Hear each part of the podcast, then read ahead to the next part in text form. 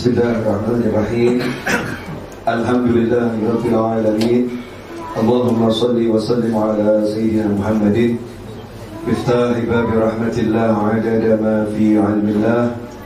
صلاة وسلاما دائمين بدوام ملك الله وعلى آله وصحبه. اللهم صل على سيدنا محمد. صلاة تفتح بها لنا فتوح العارفين. وتفقهنا بها في الدين وعلى آله وصحبه السلام عليكم ورحمة الله وبركاته Ikhwani rahimahullah Hadirin pemirsa dimanapun berada dimuliakan Allah Ta'ala Alhamdulillah malam hari ini bisa berkumpul kembali di majlis ini dalam keadaan sehat walafiat Insya Allah yang kurang sehat jadi sehat Kemudian bersama yang sehat awet sehatnya Mudah semua urusan dunia akhiratnya Berlimpah rezekinya Barokah panjang usianya Dalam kebaikan, ketaatan, kesehatan, keimanan Dan insya Allah akhir usianya husnul khotimah. Amin. Amin. Bicara tentang wajah Islam. Jujur saja Banyak orang yang uh, salah menilai wajah Islam karena melihat tingkah laku muslimin. Ya, banyak orang yang salah menilai wajah Islam karena melihat tingkah laku muslimin. Sehingga pernah disebutkan al-Islam mahjubun bil muslimin. Islam itu sendiri wajahnya tertutup oleh umat Islam itu sendiri oleh umat Islam itu sendiri. Karena umat Islamnya tidak bisa dijadikan pedoman untuk uh, atau suri teladan untuk menggambarkan Islam yang yang sebenarnya. Kalau umat Islamnya betul-betul menjalankan ajaran Islam, tentu insya Allah nanti wajah Islamnya akan kelihatan dengan dengan baik. Tapi untuk melihat wajah Islam, maka kita nggak boleh lihat umatnya kita kitanya nah repotnya di luar Islam sana orang-orang itu nggak melihat Islam dari Al-Quran, Sunnah atau Nabi Muhammad SAW, para sahabat dan orang-orang soleh lihatnya dari perilaku kebanyakan umat Islam yang hidup di era ini atau di zaman zaman ini ya repotnya kan seperti seperti itu sehingga terakhir terakhir ini wajah Islam identik dengan teroris. Gitu kan ya? Terakhir-terakhir ini wajah Islam identik dengan teroris. Kalau kata PP Muhammadiyah, ya, ini teroris membaca nama Islam. Ya, teroris membaca nama nama Islam. Saya nggak akan bicara malam hari ini Islam menurut pandangan fulan atau Islam itu bagaimana dan lain sebagainya dan lain sebagainya tapi kalau kita mau tahu wajah Islam yang sebetulnya, caranya cukup simpel. Sebab kalau kita mau tahu wajah Islam lewat Al-Quran, ilmu kita nggak cukup. Mau tahu wajah Islam lewat hadis, ilmu kita ya nggak nggak cukup. Maka langsung saja wajah Islam dari yang membawa Islam itu sendiri, yaitu kanjeng Nabi Muhammad Shallallahu Alaihi Wasallam. Jadi kalau mau tahu wajah Islam bagaimana, Islam itu seperti apa, Ya udah itulah Rasulullah SAW. Rasulullah itu Islam. Karena ketika Sayyidatuna Aisyah radhiyallahu taala ditanya bagaimana perilaku Nabi Muhammad SAW, akhlaknya itu seperti apa? Jawabannya kana khuluquhul Quran. Nabi Muhammad SAW itu akhlaknya, ya, katakan akhlak itu ya perbuatannya, diamnya, sikapnya dalam menyikapi segala hal adalah Al-Quran. Kalau kamu baca Al-Quran yaitu Nabi, kalau kamu lihat Nabi itu Al-Quran. Jadi tidak bisa, tidak ada bedanya Nabi dengan Al-Quran, Al-Quran dengan dengan Nabi itu. Jadi lihat Nabi, lihat Al-Quran, lihat Al-Quran akan lihat Nabi Muhammad Shallallahu Alaihi Wasallam. Artinya Rasulullah itu betul-betul wujud wujud dari keinginan Allah Taala, wujud dari harapan-harapan Allah Subhanahu Wa Taala. Jadi wujud kasih sayang Allah yaitu ada dalam diri Nabi Muhammad Shallallahu Alaihi Wasallam. Nah, coba kita bandingkan apa yang kita lihat saat ini ya dengan apa yang ada dalam diri Nabi Muhammad Shallallahu Alaihi Wasallam. Ya memang ini topik lagi hangat-hangatnya. Kebetulan belum lama Jakarta kan digoncang sama yang menggoncang. Ya, saya nyebut namanya, nama istilah kalimat itu aja males ya. Digoncang dengan yang menggoncang. Sudah dunia itu jadi heboh ya. Alhamdulillah nama Jakarta jadi semakin terkenal ya, nama Jakarta jadi semakin terkenal dan mall yang sudah uh, lama nggak disebut akhirnya jadi semakin terkenal ya, bahkan ada tukang sate yang tadinya kurang omsetnya kurang bagus jadi naik omsetnya ya, dan lain sebagainya hikmahnya banyak begini kawan-kawan mohon maaf sering kali kalau kita sekolah mungkin sampai saat ini ya di sekolahan itu jadi Islam itu identik dengan orang yang suka ke masjid. Ya, oh itu itu muslim itu. Orang yang suka ke, mas, ke masjid. Kalau di sekolah nggak ada masjid, ya suka ke musola atau ikut kerohanian Islam. Rohes, ya, ikut kerohanian Islam. Kalau di kampus, kebetulan saya belum pernah menginjak bangku kuliah. Ya, kebetulan belum, belum pernah menginjak bangku kuliah. Tapi setahu saya dari teman-teman kalau di kampus yang ikut berbagai macam organisasi dan gerakan-gerakan yang ada di kampus keislaman. Jadi Islam itu tuh yang ikut organisasi itu, gerakan itu, itu namanya Islam itu, Muslim seperti itu. Oh yang ikut kerohanian Islam itu mus, Muslim. Nah, kalau di masyarakat umum, ya, masyarakat umum, Islam itu kok identik dengan dengan ustadznya, ya, dengan oh, ustadznya, kalau ada ustadznya ya, atau orang-orang yang hidup di masjid ya orang-orang yang hidup di mas masjid padahal kalau kita lihat pada kenyataannya yang di luar masjid itu jauh lebih banyak daripada yang di dalam masjid. Yang di luar pesantren itu jauh lebih banyak daripada yang di pesan pesantren. Yang di luar kerohanian Islam itu jauh lebih banyak daripada yang berada dalam kerohanian Islam. Kemudian yang di luar organisasi itu jauh lebih banyak daripada yang ikut berorganisasi. Tapi sayangnya yang dilihat oleh orang itu nggak nggak begitu, nggak lihat yang di luar itu, yang dilihat yang tidak di dalam itu. Sehingga nanti Islam identik seperti yang dikatakan Syekh Musa itu, pokoknya umat Islam itu yang baik, yang darinya hitam. Ini, ini Muslim. Nanti ada lagi yang mengklaim mengklaim kelompok atau dirinya muslim itu pokoknya yang yang kalau pakai celana cenderung naik ke atas ya istilahnya cingkram atau apa apa gitu ya ini is Islam ada lagi yang mengklaim ya pokoknya muslim itu yang dia kalau kalau pakai jilbab bercadar. Ya juga bercadar. Ini muslim yang bagus ya muslim yang luar biasa. Ada lagi nanti yang melihat untuk muslim itu orang yang suka puasa. Yang suka puasa. Itu tuh muslim itu. Muslim benar gitu ya. Dan seterusnya dan seterusnya. Maka saya ambil definisi yang paling gampang saja lah Rasul bersabda memang betul ya orang semakin pakai cadar itu semakin bagus. Kalau pakai uh, pakaian di atas mata kaki itu ya otomatis lebih ba lebih bagus. Semua itu benar. Tapi Rasulullah SAW mendefinisikan Islam dan Muslimin tidak seperti itu. Rasul menyatakan al muslimu man salim al muslimuna min lisanihi wa yadihi. Sederhana tapi dalamnya luar biasa. Ini saja yang mau saya bahas malam hari ini dari satu sisi aja kalau dari apa, semua semua sisi mau berapa bulan kita belajar nggak akan rampung gitu karena kita bahas Islam al muslimu man salim al muslimuna min lisanihi wa jadi kalau mau mengukur Islam dari Muslim ya, tapi Muslim yang bagaimana kan begitu ya? Muslim yang bagai, bagaimana? Seorang Muslim adalah dia al-Muslim. Jadi definisi Muslim yang betul-betul hakikatnya Muslim. Kita alhamdulillah KTP Islam. Ya, insyaallah KTP Islam semua kan? Alhamdulillah. Sholat lima waktu, Alhamdulillah. Baca Al-Quran, Alhamdulillah. Zikir, Alhamdulillah cari ilmu, alhamdulillah.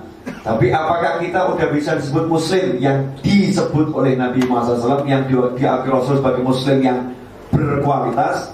Maka jawabannya sabda Rasul ini al muslimu man salimal muslimu min lisanihi wa yadihi seorang muslim adalah yang mana keseluruhan umat Islam. Al muslimu man salimal muslimuna. Seorang muslim adalah yang mana keseluruhan umat Islam selamat dari gangguan tangan dan lisannya. Yadihi dari gangguan lisan dan tangannya seluruh umat Islam selamat dari gangguan lisannya dan gangguan tangannya. Itu definisi Muslim.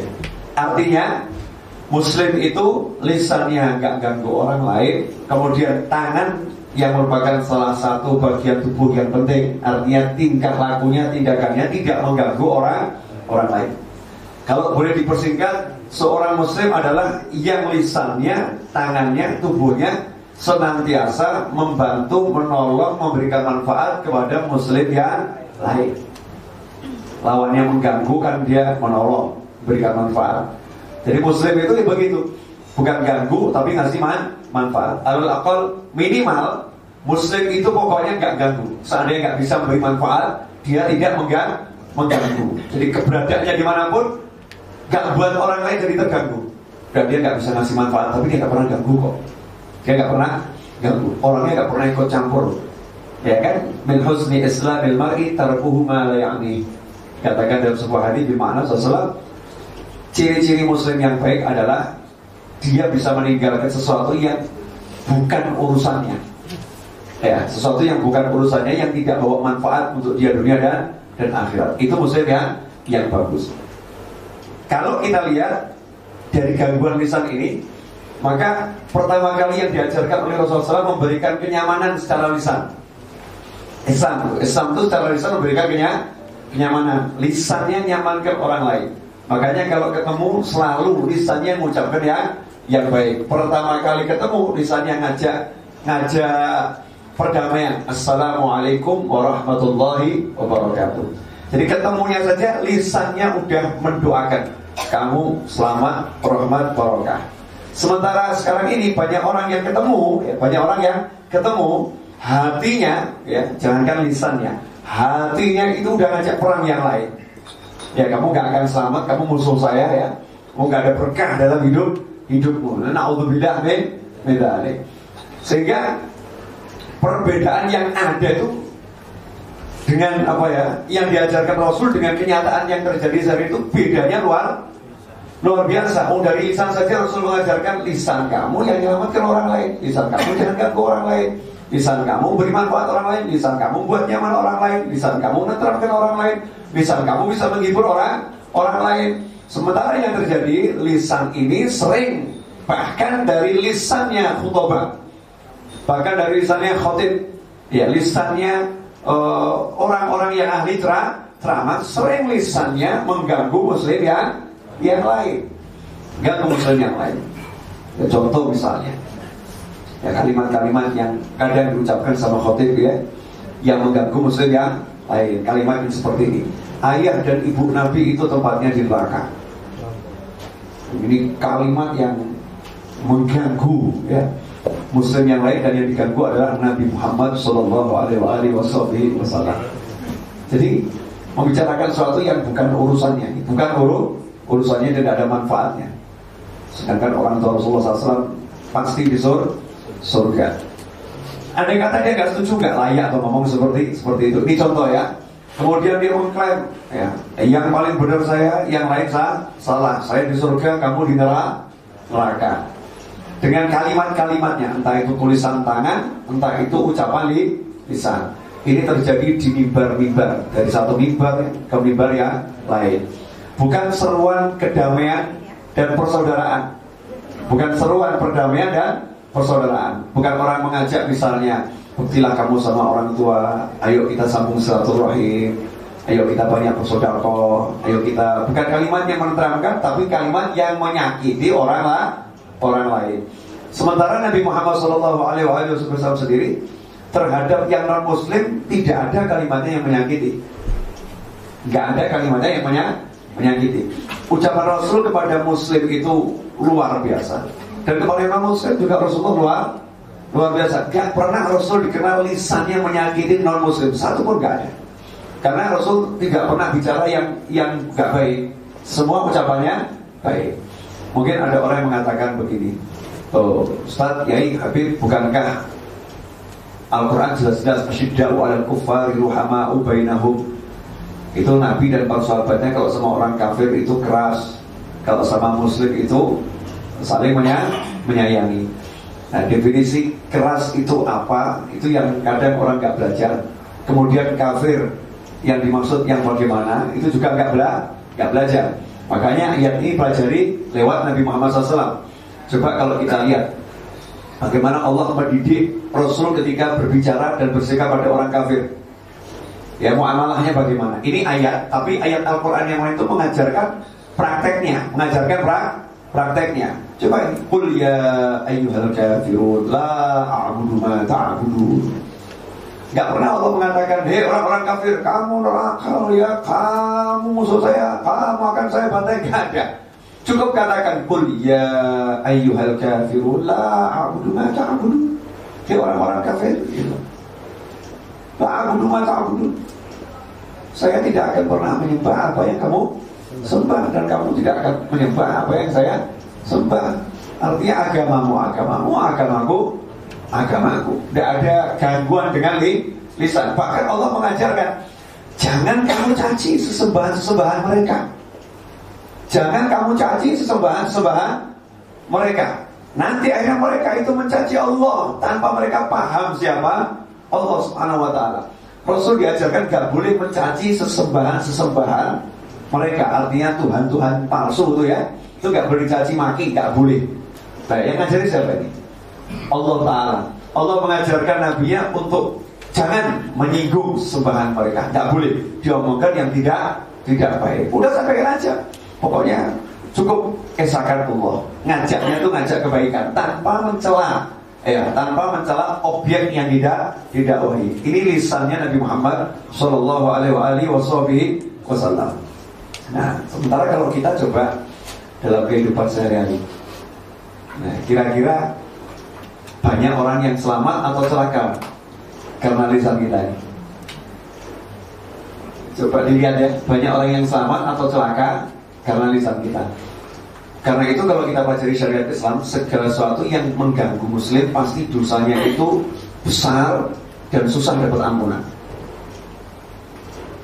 Contoh, ya, contoh. Karena Islam dan Muslim itu berikan nyaman kepada orang lain, khususnya kepada saudaranya sama mus muslim. Contoh ya, zina itu dosa besar atau dosa kecil? Besar, besar atau sangat besar? Sangat besar. Pelakunya kalau udah menikah dihukum rajam. Kalau belum menikah hukum cambuk dan diasingkan dari tempat di mana dia tinggal selama satu satu tahun. Kan begitu. Berarti ini hukumannya berat atau gak berat? yang namanya orang dihukum misalnya seumur hidup berarti kejahatan tingkat tinggi ya. Nah kalau hukumannya dihilangkan hidupnya ini apa? Hukuman mati ya. Dan bukan ditembak, bukan dipancung. Islam itu hukuman mati kan dipancung, tapi khusus zina gak dipancung. Dibuat matinya perlahan. Ya. Dan dipermalukan di depan orang orang banyak, dilempari dengan dengan batu, dengan tubuh yang di, ditanam sampai tiga lehernya jatuh dilempari seperti itu. Ini berarti kan kerasnya luar biasa. Tapi itu sifatnya gak gak gak mengganggu orang banyak kan, gak mengganggu orang banyak. Tapi begitu lisan, gangguan lisan, gangguan lisan, yang namanya menggunjing, memperbincangkan keburukan orang lain, memperbincangkan keburukan orang lain. Rasul menyatakan dosanya orang yang menggunjing satu kali menggunjing lebih berat daripada 30 kali berbuat zina. Kenapa ya kok? Ancamannya gede banget. Karena Rasul diutus, saya tidak diutus sebagai laanan, sebagai orang yang melaknat, orang yang mencaci, orang maki, bukan itu saya diutus. Diutus rahmatan lil lil alamin. Rasul mengajarkan pengikutnya untuk lisanmu jangan ganggu siapa pun, apalagi ngomongkan keburukan saudaramu sesama mus, muslim. Sekali menggunjing ancamannya dosanya lebih berat daripada zina Di riwayat yang lain lebih berat daripada 30 kali berbuat zina Padahal itu kalau kata orang kan cuman kan cuman ngomongin ya. Dan betul kok ya Ustaz Habib yang ngomong itu benar memang orangnya seperti itu. Ya itu kalau benar namanya menggunjing kalau nggak benar namanya fitnah. Nggak benar namanya fitnah. Begitu judulnya fitnah fitnah ini dengan li lisan asyaddu minal qatl. Dosanya lebih besar daripada membunuh. Ini lisannya dosanya lebih besar daripada membunuh belum lagi nanti namimah mengadu domba dengan li dengan lisan. Semua yang kaitannya dengan lisan itu dosanya luar biasa. Sehingga dikatakan dalam sebuah hadis kalau kita baca kitab Sahih Bukhari atau Sahih Muslim banyak orang itu yang jatuh ke neraka jahanam karena lisan lisannya. Karena lisannya. Jadi wajah muslim nomor satu lisannya menyelamatkan muslim yang lain dan juga kepada yang non muslim lisannya itu memberikan keselamatan Bahkan ketika Rasul saya kasih contoh ya, ini sederhana. Rasul ada Sayyidatuna Aisyah, ada Yahudi datang. Yahudi yang sangat benci kepada Nabi Muhammad. Jadi bukan orangnya ya. Kalau orang Yahudi itu banyak yang Muslim, banyak yang Muslim. Syekh Abdul Qadir Al-Jilani rahimahullah dalam dakwahnya berkat beliau ada 5000 Yahudi masuk agama Islam. Rasul sendiri SAW pembantunya Rasul adalah seorang Yahudi dan akhirnya masuk Islam. Kemudian kalau kita lihat salah satu salah satu istri Rasulullah Sayyidah Sofia itu ayahnya juga seorang ya Yahudi. Artinya istri Rasul ada yang turunan Yahudi dan menjadi istri Nabi Muhammad Shallallahu Alaihi Wasallam. Artinya dari sisi bangsa bangsa Yahudi nggak jadi masalah. Tapi begitu sifatnya ajarannya Yahudi yang membenci Islam ya dan Muslimin ini yang dimusuhi oleh Allah Subhanahu wa ta'ala. Tapi bagaimana ketika seorang Yahudi datang menemui Rasul dan mengucapkan Assalamualaikum Assalamualaikum Jadi Islam itu racun. Artinya kematian buat kamu. Ya kematian buat kamu. Sayyidatuna Aisyah ini marah. Mau balas mengucapkan macam-macam ya Sama Rasul di, dicegah. Sama Rasul dicegah. Katanya Sayyidatuna Aisyah Jadi bilang racun mati buat kamu ya Rasulullah bla bla bla. Marahkan Aisyah? Tapi Rasul mengatakan udah udah. Tadi kan udah saya jawab wa alaik. Dan juga untukmu. Eh dan juga untuk oh, Rasul nggak jawab untukmu begini untukmu begini untukmu begini. Enggak. Ya, dikiranya Sayyidatuna Aisyah Rasul nggak ngerti. Assalamualaikum, Waalaikum. Kan gitu kan ya? Ini Assalamualaikum, Waalaikum. Zaman itu sudah Waalaikum. Nggak pakai tambahan macam macam nggak pakai bantai orang ini, hajar orang ini ya ini orang nggak benar dan lain sebagainya. Dan itu yang diamalkan oleh penerus-penerus Nabi Muhammad Shallallahu Alaihi Wasallam. Lisannya tidak pernah mengucapkan sesuatu kecuali yang baik. Sehingga dalam sebuah riwayat, bagaimana sampai oleh Sayyidina Al Habib Umar bin Muhammad bin Salim bin Hafid dalam salah satu ceramahnya, Matamu Bituli Hayati, beliau ceramah menyampaikan kisah Nabi Isa alaihissalam. Nabi Isa lagi ceramah, datang satu orang mencaci maki beliau. Setiap kali orang ini mencaci maki Nabi Isa, Nabi Isa mendoakan dengan kebaikan. Orang yang nyaci lagi, Nabi Isa doakan dengan kebaikan. Orang yang caci lagi, Nabi Isa doakan dengan kebaikan. Sehingga muridnya bingung. Orang itu pergi, muridnya nanya, Wahai Nabi Allah Isa, Allah, kenapa orang ini mencaci maki kamu, kamu doakan dengan kebaikan terus? Jawabannya sederhana. Setiap orang memberikan hadiah apa yang dia miliki. Dia punyanya keburukan, saya punya cuma kebaikan dia punya keburukan. Saya ini saya keluarga nggak ada yang buruk. Adanya cuma bah, baik. Berarti kalau anda suka mencaci maki orang saya suka mencaci maki orang berarti memang saya punyanya seperti seperti itu. Ya, di hati adanya begitu ya keluar seperti itu. Kalau di hati adanya baik ya keluarnya baik. Sedangkan Rasulullah SAW di hati nggak ada yang buruk nggak buruk. Jadi keluarnya dari Rasul itu semua baik. Contoh ketika di Taif ketika di Taif malaikat Jibril laporan ini malaikat penjaga dua gunung minta izin mau ketemu diizinkan ketemu. Kemudian malaikat dua gunung ini mengatakan ya Rasulullah izinkan saya untuk mengangkat dua bukit di sekitar Taif. Mau saya taruh di atas kota Taif menjelaskan kota Taif. Bayangkan nih diuruk ini bukan pakai truk ya. bukan urukan pasir ya. tapi diuruk langsung bukit yang angkat malaikat. Traktor nggak bisa angkat bukit kan ya? Ini bukitnya mau diangkat ditaruh di di atas kota Taif itu kalau kita laksanakan, begitu kan ya? Selesai masalah. Laksanakan malaikat biar tahu rasa itu warga Taif. Itu kalau kita. Tapi Nabi SAW semakin dimusuhin, itu keluarnya kalimatnya semakin bagus. Allahumma hdi qaumi fa innahum la ya'lamun. Ya Allah, tolong beri hidayah kaumku mereka enggak ngerti. Aku berharap dari sulbi mereka muncul orang-orang yang beriman kepada Allah dan Rasulnya dan jadi pembela-pembela Islam. Justru saat ini doanya itu dipakai untuk menyelamatkan orang orang lain. Itu Nabi Muhammad Sallallahu Alaihi Wasallam. Dan para awliya wasolehin ya begitu. Jadi kalau dicaci, dimaki, dihina, mereka keluarnya baik. Nah sementara kalau kita ini gak dicaci, gak dimaki, gak dihina, kita mencaci, memaki, menghina, kan aneh. Jadi kalau orang dicaci baru maki itu kan masih masih apa namanya kata orang dipantas lah ya. Dia dicaci, balasnya mau mencaci atau memaki. Ini nggak ada cacian, nggak ada makian, tapi dia mencaci, memaki memaki karena bilang min misalnya. Coba kita jujur ya, coba kita jujur. Biasanya kita itu kalau dicaci sekali balasnya sama atau lebih? Coba saya tidak kejadian di Jakarta di perempatan atau di mana adu mulut antara pengguna jalan. Sering ya? Ya sering. Ya, misal contoh ya, tin tin gitu ya, dikasih dikasih klakson tin agak keras klaksonnya. Terus komentarnya yang di naik motor kira-kira bagus atau gimana? Ngamuk ya. Nah ketika ngamuk itu kira-kira kalimatnya satu dua atau banyak? Banyak kan? Jadi cenderungnya itu marah ya, cenderungnya marah dan mengumpat, memaki dan lain sebagainya. Yang keluar itu kalimat yang enggak enggak baik. Ya, bukan kalimat yang baik. Sementara Rasulullah nggak pernah ngajarkan seperti itu. Makanya kan Orang bingung loh. Kalau masuk Indonesia kita negara dengan jumlah umat Islam terbesar di dunia. Tapi mau cari Islam di sini bingung. Mana nih Islam ini? Saya barusan tadi dari Hong Kong. Ya, di Hong Kong itu cari umat Islam susahnya luar biasa kecuali TKW. Kecuali TKW. Ya, karena TKW di sana saya katakan 80 persen berbusana muslimah bagus gitu ya, 80 persen ikut majelis tiap minggu itu kita akan lihat orang-orang berjilbab dan itu kemungkinan besar TKW lah. Ya.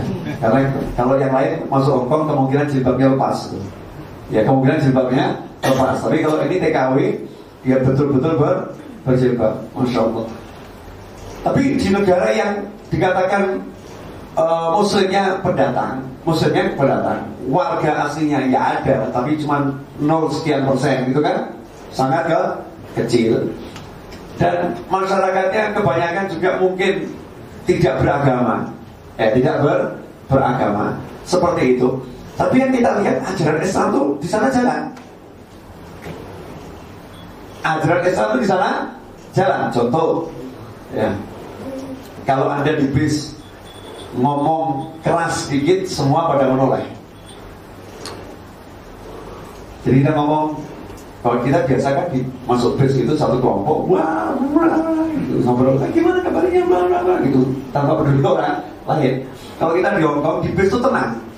Jadi orang pakai telepon gitu ya, pakai uh, mau lihat TV atau apa dari YouTube itu nggak ada yang di speaker on. Mereka semua pakai head, headset, nggak mau ganggu orang orang lain. Kemudian kalau bicara dengan temennya juga bicaranya santai biasa, saja. Begitu ada yang suaranya lebih tinggi dari orang lain akan jadi tontonan.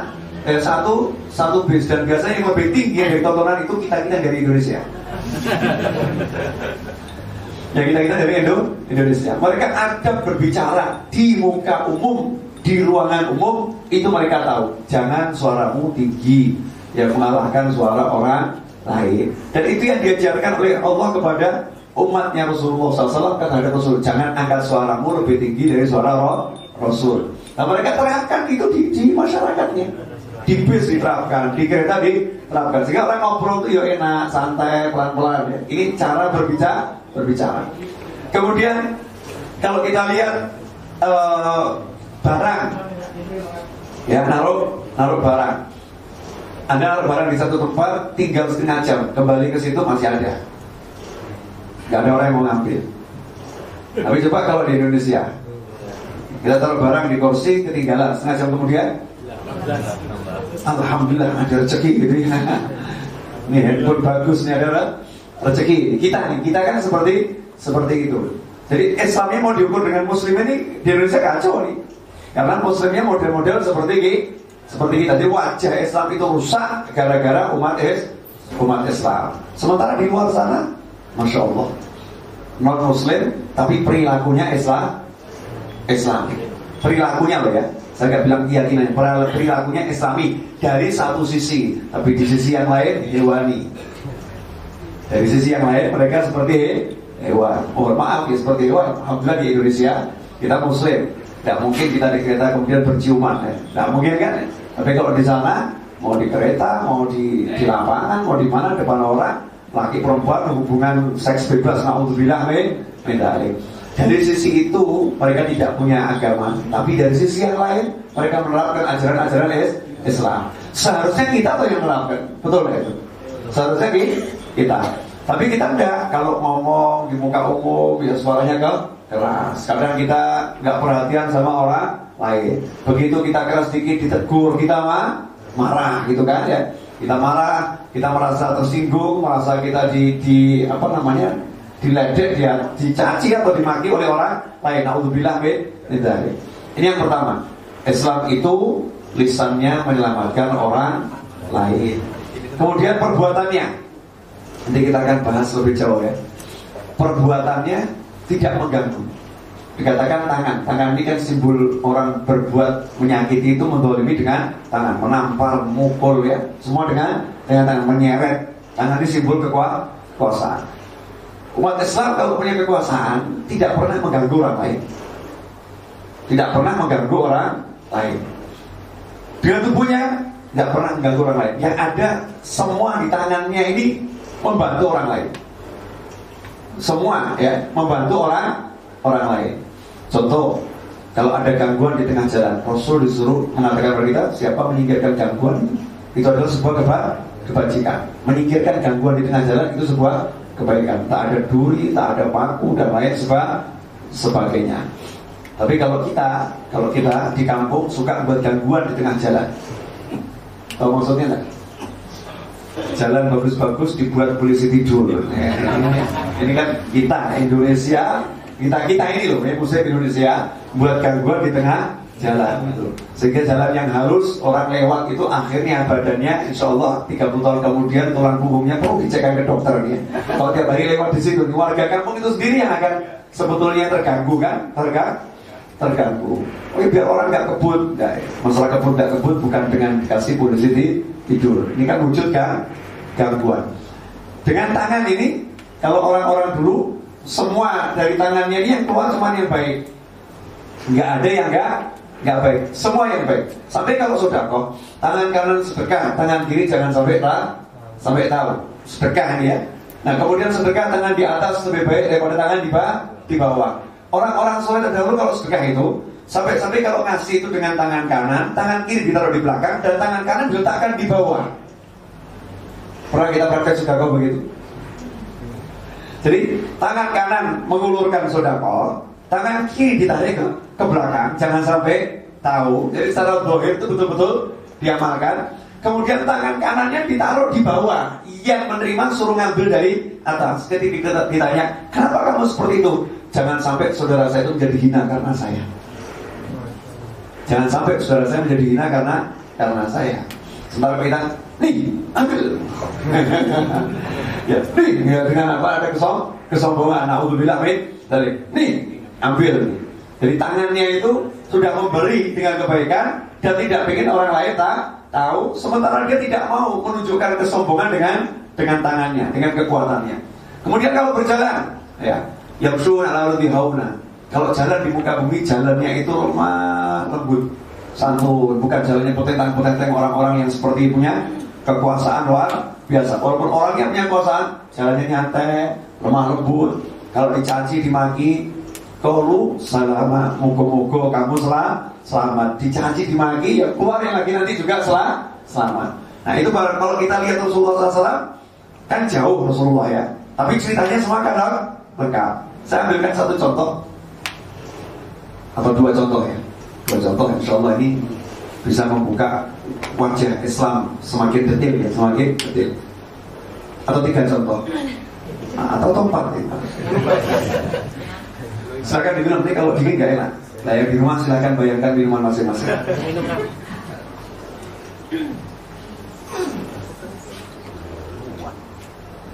Empat atau lima? Lima. Lima atau enam? Enam atau sepuluh? Ya nanti cari sendiri. Saya mau ambil satu contoh dari, dari Rasulullah dulu ya, Rasulullah. Rasul pernah punya satu orang yang sangat musuhi beliau SAW. Orang itu kalau benci, ya paling gak enak tuh muamalah sama orang benci. Karena kalau kita berhubungan sama orang udah benci, orang udah benci, apa pun yang kita lakukan tetap jadinya salah. Betul kan? Yang kedua, kalau dia punya apa pun akan digunakan untuk membuat kita jadi jatuh. Pokoknya yang dia miliki akan dihabiskan untuk menyakiti kita. Sedangkan semua kebaikan kita nilainya bukan orang minus gitu ya. Jadinya salah. Jadinya salah. Apa pun ini. Kalau Rasulullah SAW keluarnya baik terus ya. Tapi orang ini musuh Rasul sampai ketika Rasul di Mekah semua duitnya dikeluarkan untuk untuk bagaimana caranya Nabi Muhammad SAW itu nggak ada Rasulullah uh, dibunuh gimana caranya nah setelah Rasulullah SAW itu berhasil menguasai kota Mekah satu orang kafir ini melarikan diri dari Mekah. Kenapa? Dia yakin saya dulu yang paling sering ganggu Rasulullah. Saya yang paling pengen beliau mati. Saya yang paling pengen dia binasa. Pasti nanti saya akan dibalas lebih kecil lagi. Maka ketika Rasulullah masuk Mekah, yang terjadi kan sebaliknya. Sama Rasul dikumpulkan semua, semua dikumpulkan di depan Ka'bah dan di rumah Abu Sufyan Rasul mengatakan idhabu fa'antum. Ini kan suatu sikap yang luar biasa. Silahkan kalian pergi, kalian orang-orang yang merdeka bebas masuk Islam boleh, nggak masuk Islam juga nggak jadi masalah. Semua kesalahan masalahmu di, dimaafkan oleh Nabi Muhammad SAW. Sementara beliau itu megang tingkat komando yang ter, tertinggi. Tapi yang satu ini sudah terlanjur pergi dari Mekah. Pergi dari Mekah. Nah, saudaranya sahabat Rasulullah, saudaranya sahabat Rasulullah SAW. Kemudian saudara mengatakan, ya Rasulullah, ini saudara saya yang sangat benci kamu, sekarang ini melarikan diri dari Mekah, dia akan bunuh diri. Dia akan bunuh diri. Izinkan saya menyelamatkan nyawanya. Izinkan saya menyelamatkan nyawanya. Boleh ya Rasulullah ya, saya katakan engkau tidak akan bunuh dia. Oh silakan tanya. Berangkat dicari ketemunya itu di tepi laut merah. Udah mau menceburkan diri ke laut merah dipanggil, eh saudaraku jangan jangan bunuh diri, jangan bunuh diri. Saya ini datang dari tempatnya manusia yang terbaik. Saya datang dari tempat manusia yang terbaik. Kamu jangan tenggelamkan dirimu. Maka dia menjawab, saya akan tenggelamkan diri saya. Kalau saya kembali ke Mekah, saya pasti akan dibunuh. Kalau saya pergi ke kota mana pun, umat Islam ngerti siapa saya, pasti juga wajah saya ini gak asing. Saya pasti juga akan ditangkap, saya juga akan dibunuh oleh umat umat Islam. Lebih baik saya mati bunuh diri daripada mati di tangan seorang mus muslim. Sabar dulu. Nabi itu udah bilang kamu tuh nggak akan dibunuh. Udah tenang. Saya tidak percaya. Ya udah kamu santai ya, tunggu di sini ya. Tenang mau pikirmu kalau kata orang Jawa ya. Tenangkan pikirmu, jangan bunuh diri dulu.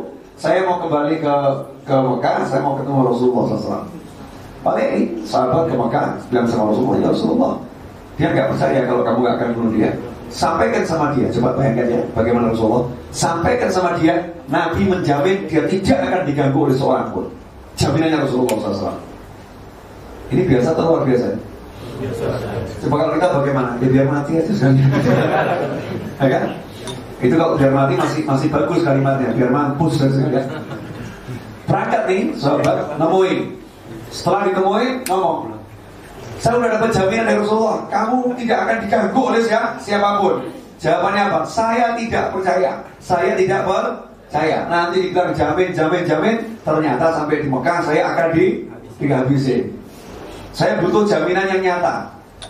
Harus ada sesuatu dari Rasul yang menyebabkan saya selamat. Sahabat itu kamu sabar dulu ya pulang ini. Ya coba. Ini sahabatnya Rasulullah juga biasa atau luar biasa nih? Luar biasa. Jadi satu nyawa gitu ya tidak diizinkan melayang dalam kagu kekufuran. Sementara yang kemarin terjadi berupaya menghabisi muslim dan non muslim. Paham kan? Ini sahabat ini berusaha gimana caranya jangan sampai ada nyawa yang melayang kufur masuk neraka jangan sampai. Sementara yang disebut di berita-berita kemarin itu hidupnya digunakan untuk menghabisi nyawa orang orang lain yang muslim maupun yang non non muslim. Ya, yang muslim ya insya Allah yang masuk surga. Kalau yang non muslim kan udah habis kesempatannya masuk surga menurut akidah Islam kan seperti seperti itu. Nah, pulang ke Mekah bilang Rasulullah, ya Rasulullah, ini yang satu ini masih gak percaya Rasulullah. Kalau kamu akan akan membantu dia, menyelamatkan dia. Maka Rasul mengatakan ya sudah, Rasulullah dipakai imamah. Kalau dalam tarikoh Hakani Nasyabandi, turban namanya ya, turban. Kalau dalam tarikoh Arabiyah namanya imam, imamah. Perbedaan nama itu biasa karena memang beda apa namanya uh, nanti uh, orang Mesir ya bilangnya apa lagi? Kalau orang Jawa bilangnya belangkon ya orang Jawa apa Jawa Tengah Jogja bilang ikat. Ya bilang ikat. Nanti kalau kita ke daerah Jawa Barat juga ada yang bilang ikat. Ya ikatnya itu beda seperti itu. Nah kalau apa orang Hadramut orang baik bilang itu imam imamah.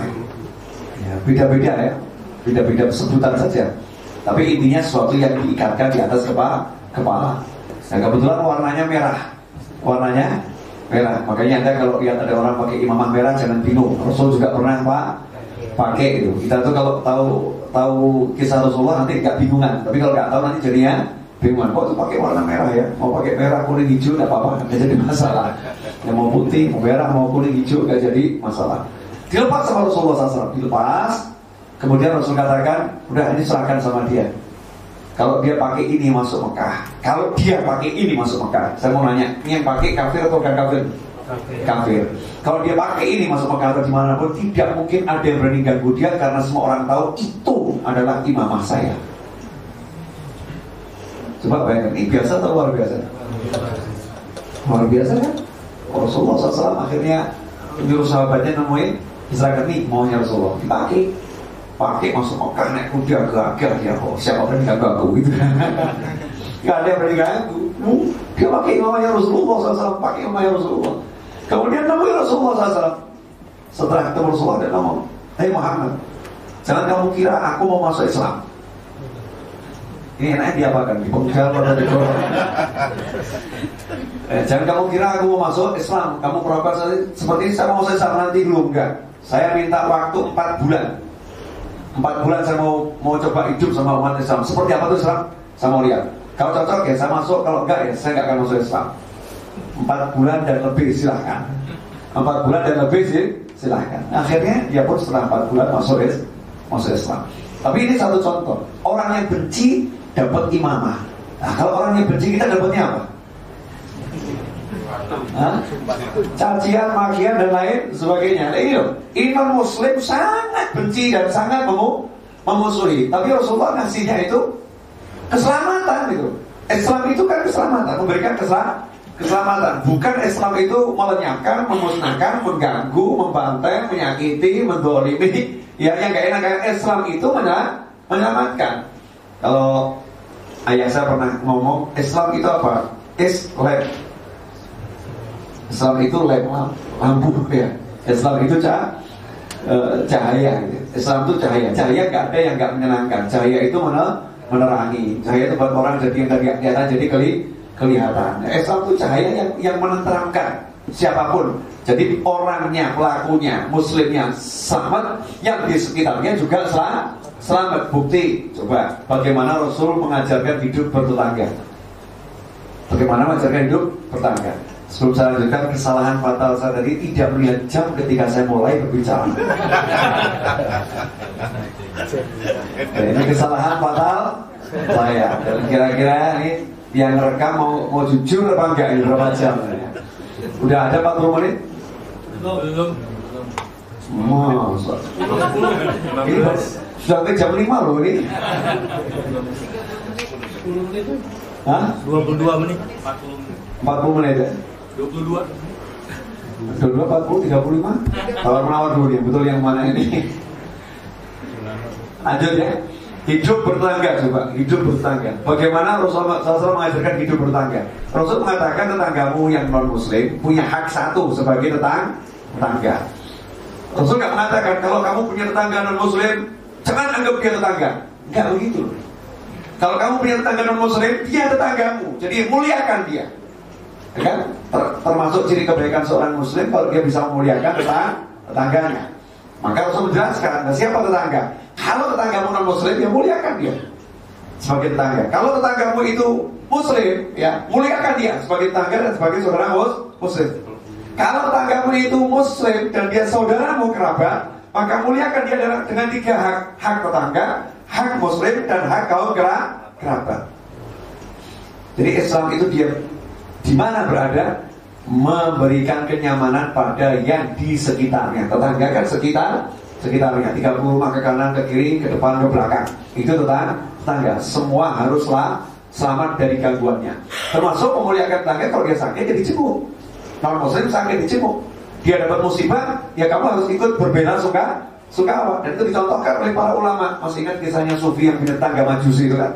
Seorang Sufi, ya Sufi ini Nah sebutan untuk muslim yang baik, yang benar, yang soleh, yang pas ya itu sufi. Namanya su, sufi. Sebutan aja. Orang baik yang betul-betul kenal kesolehannya disebut sufi. Ada seorang sufi punya tetangga majusi. Majusi itu nggak nanggung-nanggung. Yang disembah api.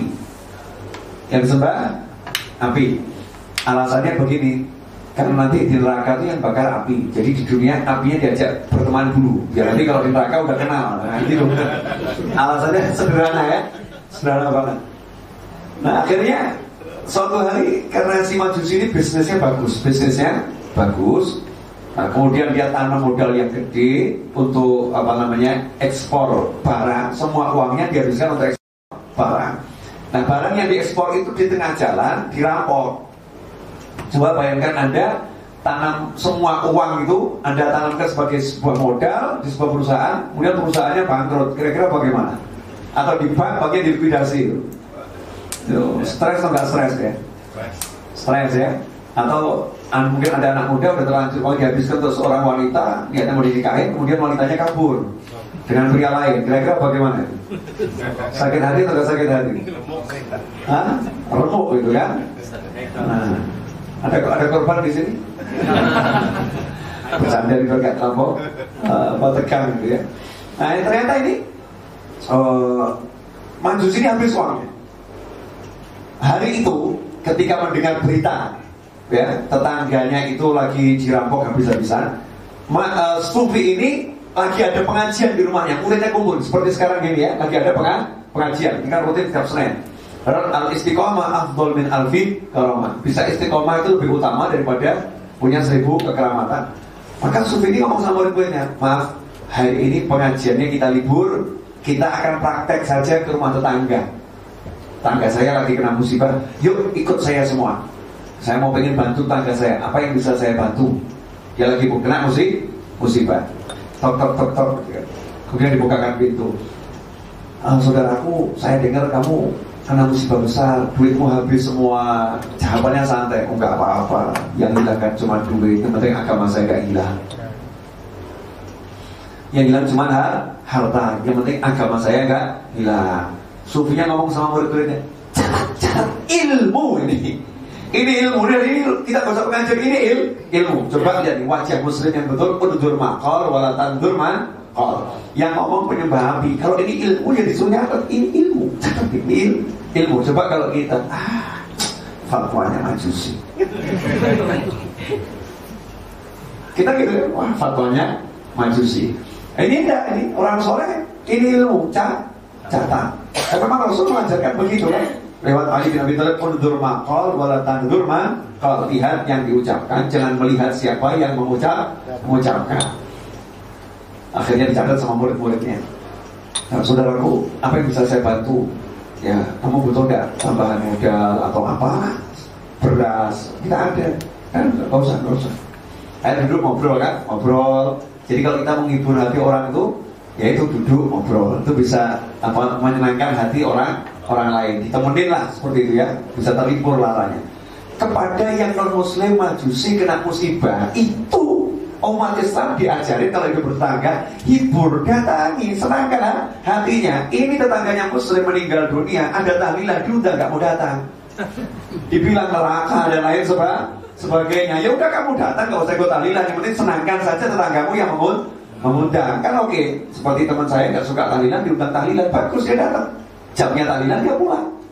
Maaf saya lagi ada acara di tempat lain jam ini tapi dia datang. Ya kemudian ya acara ini sukses dan insya Allah kalau ada yang boleh bantu saya bantu. Ini namanya orang baik orang baik jangan diundang tahlilan sama tetangganya. Tahlilan oh neraka itu begitu. Ah akan datang sama saya. Rumahnya ditutup semua. Rumahnya ditutup semua. Kalau yang baik ya akan datang sama tetangganya. Butuh kursi butuh apa tikar alas bulu karpet dan lain sebagainya. Oh yang non muslim aja kita disuruh membantu dengan perlengkapan kita kok. Kalau dia punya acara. Misal dia kok acaranya manten anaknya gitu ya ya kita punya punya peralatan dapur silakan dibantu dipakai ini haknya sebagai tetangga tetangga memang seperti itu jangan nanti kalau non muslim meninggal Jangan sampai parkir di tempat kita ya. Jangan sampai tutup semua, garasi tutup. Tidak begitu. Diajarkan silakan pun pakai untuk tempat par parkir. Ya, makanya dia datangi tetangganya, kemudian ngobrol seperti itu. Nah, terus penasaran nanya, kenapa kamu nyembah api? Ya jawabannya tadi itu. Ini nanti yang neraka kan api. Jadi sekarang saya bagi-bagi dulu nih, biar nanti apa siapa saya. Jadi aman, ya. Kalau saya toh masuk neraka, aman. Katanya sufinya, Loh, kamu begitu pola pikirnya? Iya. Ya, coba kita buktikan ya, kamu udah 70 tahun kan nyembah api, saya nggak pernah nyembah api, saya nyembah Allah. Coba dia kenal saya nggak gitu ya? Kenal kamu tidak? Coba kamu masukkan tangan kamu, majusinya masuk ke tangannya. Baru dekat udah selawat panas gitu kan. Loh, ini gimana nih? 70 tahun saya sembah. Di dunia aja dia udah gak kenal apalagi di akhirat. ya di dunia aja udah gak kenal apalagi di, di akhirat. Nah, sementara muslimnya, sufinya ucap Bismillahirrahmanirrahim. Tangannya ditaruh di atas api dan dibola balik itu nggak jadi masalah. Dari majusi ngomong, kamu sembah Allah iya. Saya ikut sama Tuhan kamu saja. Syahadat masuk Islam. Begitu majusinya ini syahadat masuk Islam, sufinya langsung terkapar jatuh pingsan. Wajahnya pucat pasi, muridnya bingung. Kenapa? Karena begitu majusi masuk Islam, majusi syahadat, selesai syahadat meninggal dunia. Ya, selesai syahadat meninggal dunia. Lah sufinya lihat majusinya meninggal dunia, sufinya langsung jatuh pingsan. Dikira muridnya jangan nyusul guru, jangan cukup satu jenazah, jangan ada du dua. Saat lama setelah sadar masih pucat ditanya sama muridnya kenapa guru sampai seperti ini. Enak bener dia 70 tahun dia nyembah api kafir. Ini tahu-tahu dia masuk Islam masuk surga ini. Dan saya ini sudah sekian tahun nyembah Allah Taala nanti ujung saya gimana saya gak ngerti saya bingung ini. Saya khawatir nanti saya bagai Bagaimana? Pola pikirnya seperti itu. Ini ini wajah es Islam terhadap tetangganya seperti seperti itu. Jadi tidak tidak ganggu. Diganggu, balasannya tidak mengganggu. Seperti kisah lain seorang Muslim Sufi punya tetangga Yahudi, punya tetangga Yahudi. Sekian puluh tahun rumahnya Yahudi itu kamar mandinya, toiletnya, bukan kamar mandinya, toiletnya, pembuangan kotorannya itu bocor. Ya, coba bisa bayangkan untuk, untuk alur saluran air pembuangan kotoran bo, bocor, netes persis di kamar tidur sang sufi. Itu kalau terjadi di rumah anda, kira-kira pernah nggak sama tetangga? Hah? Pernah nggak kira-kira? Nah kebetulan suatu hari sufinya sakit. Nah, tetangga Yahudi ini walaupun dia Yahudi, tapi dia orang yang tahu cara hidup bertetangga. Maka dia jenguk survei ini di kamarnya. Terus dilihat aneh nggak musim hujan tapi kok ada yang bocor. Ya dia kan mikir ini nggak musim hujan kok ada ember gitu ya? Ada ya bocor. Nanya sama sama Sufi tadi ini kok bocor kenapa? Enggak, enggak apa-apa Enggak ada apa-apa Nah ini kok ada yang tersen kenapa nih Enggak ada apa-apa Ini Jangan-jangan dari ini ya Kalau mandi saya ya itu gitu. Uh, udah berapa lama ini begini nih? Ya sekitar 30 tahun. Nah ya, nggak apa-apa, nggak usah dipikir. Kamu begini nggak pernah lapor sama saya, nggak pernah negur saya. Enggak. Kenapa begitu? Saya diajarkan Nabi saya untuk berbuat baik sama tetangga. Nabi mau mengajarkan sama Yahudi begini, ya saya ikut kamu. Syahadat masuk Islam, pulang ke rumah, istrinya dibawa lagi. Ayo ini syahadat bareng, masuk Islam. Ya. Istri sama anaknya diajak masuk ini wajah muslim. Coba perhatikan. Kita sebagai muslim sekarang ini kalau punya tetangga non muslim, hati kita sama atau berbeda? Satu. Kemudian kalau punya tetangga yang muslim, muslimnya nggak sama dengan kita, hati kita sama atau beda? Kemudian punya tetangga muslim, sama-sama akidahnya, sama-sama ajarannya, tapi orang yang jengkelin, hati kita sama atau beda? Beda ya? Nah, ini loh wajah Islam itu rusak ya karena karena kita kitanya ini, ya karena kita kitanya ini. Nah kalau kita betul-betul jalankan ajaran Islam, maka wajah Islam ini indahnya luar luar biasa karena Indonesia ini kan mayoritas semua umat Islam. Contoh yang sederhana, kalau ketemu mengucapkan salam ini kalau diamalkan benar, indah banget di Indonesia ini. Orang masuk apa tulis masuk Indonesia bingung. Jalan ketemu di tanah abang, Assalamualaikum, Waalaikumsalam, Assalamualaikum, Waalaikumsalam, Assalamualaikum, Waalaikumsalam. Ada, eh bro, hehe. Ketemu kan, eh bro, mas, dek, cak, gitu yang ada begitu. Kan, cak, di, mas, bro, dan lain sebagainya. Salamnya itu hilang. Masuk rumah mengucapkan salam. Ini udah sekarang mulai luntur. Betul kan? Orang masuk rumah udah langsung ya kalau dia nyari istrinya gitu atau suaminya ya langsung gitu aja. Nyolong gitu kan. Eh, atau mungkin karena ada urusan sama batunya namanya apa ya sutiyom ya masuk dipanggil iya gitu. Tapi ucapan salam itu hi, hilang. Satu ini kalau diamalkan luar luar biasa sederhana. Hal-hal yang sepele sepele. Nah wajah Islam yang dipraktekkan Rasulullah SAW dan para sahabat seperti itu. Ini baru satu cerita loh dari Rasulullah ya. Mau berapa cerita? Tujuh pelanggaran kalau tujuh mau selesai jam berapa kalau tujuh ya nyantai-nyantai saja. Nanti kita bisa bisa ngerti Islam itu sangat indah dan kitanya ini sangat bobrok gitu nih. Nah, kitanya sangat bobrok, Islamnya sangat indah. Tidak ada Islam kok ngajarin kita musuhin non muslim. Ada. Buktinya, contoh, ya tadi tidak bahwa jahilun Kaulu salam. Kalau ada orang yang bodoh ngajak ngomong dengan hal yang nggak baik, ucapannya selamat, selamat, sudah selamat. Mudah-mudahan selamat, selamat. Didoakan keselamatan keselamatan.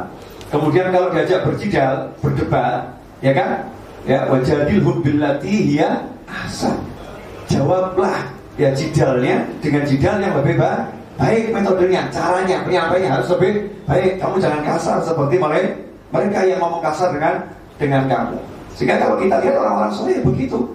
Contoh Sina uh, Ali Zainal Abidin, cucunya Nabi Muhammad SAW, cucunya Rasulullah SAW.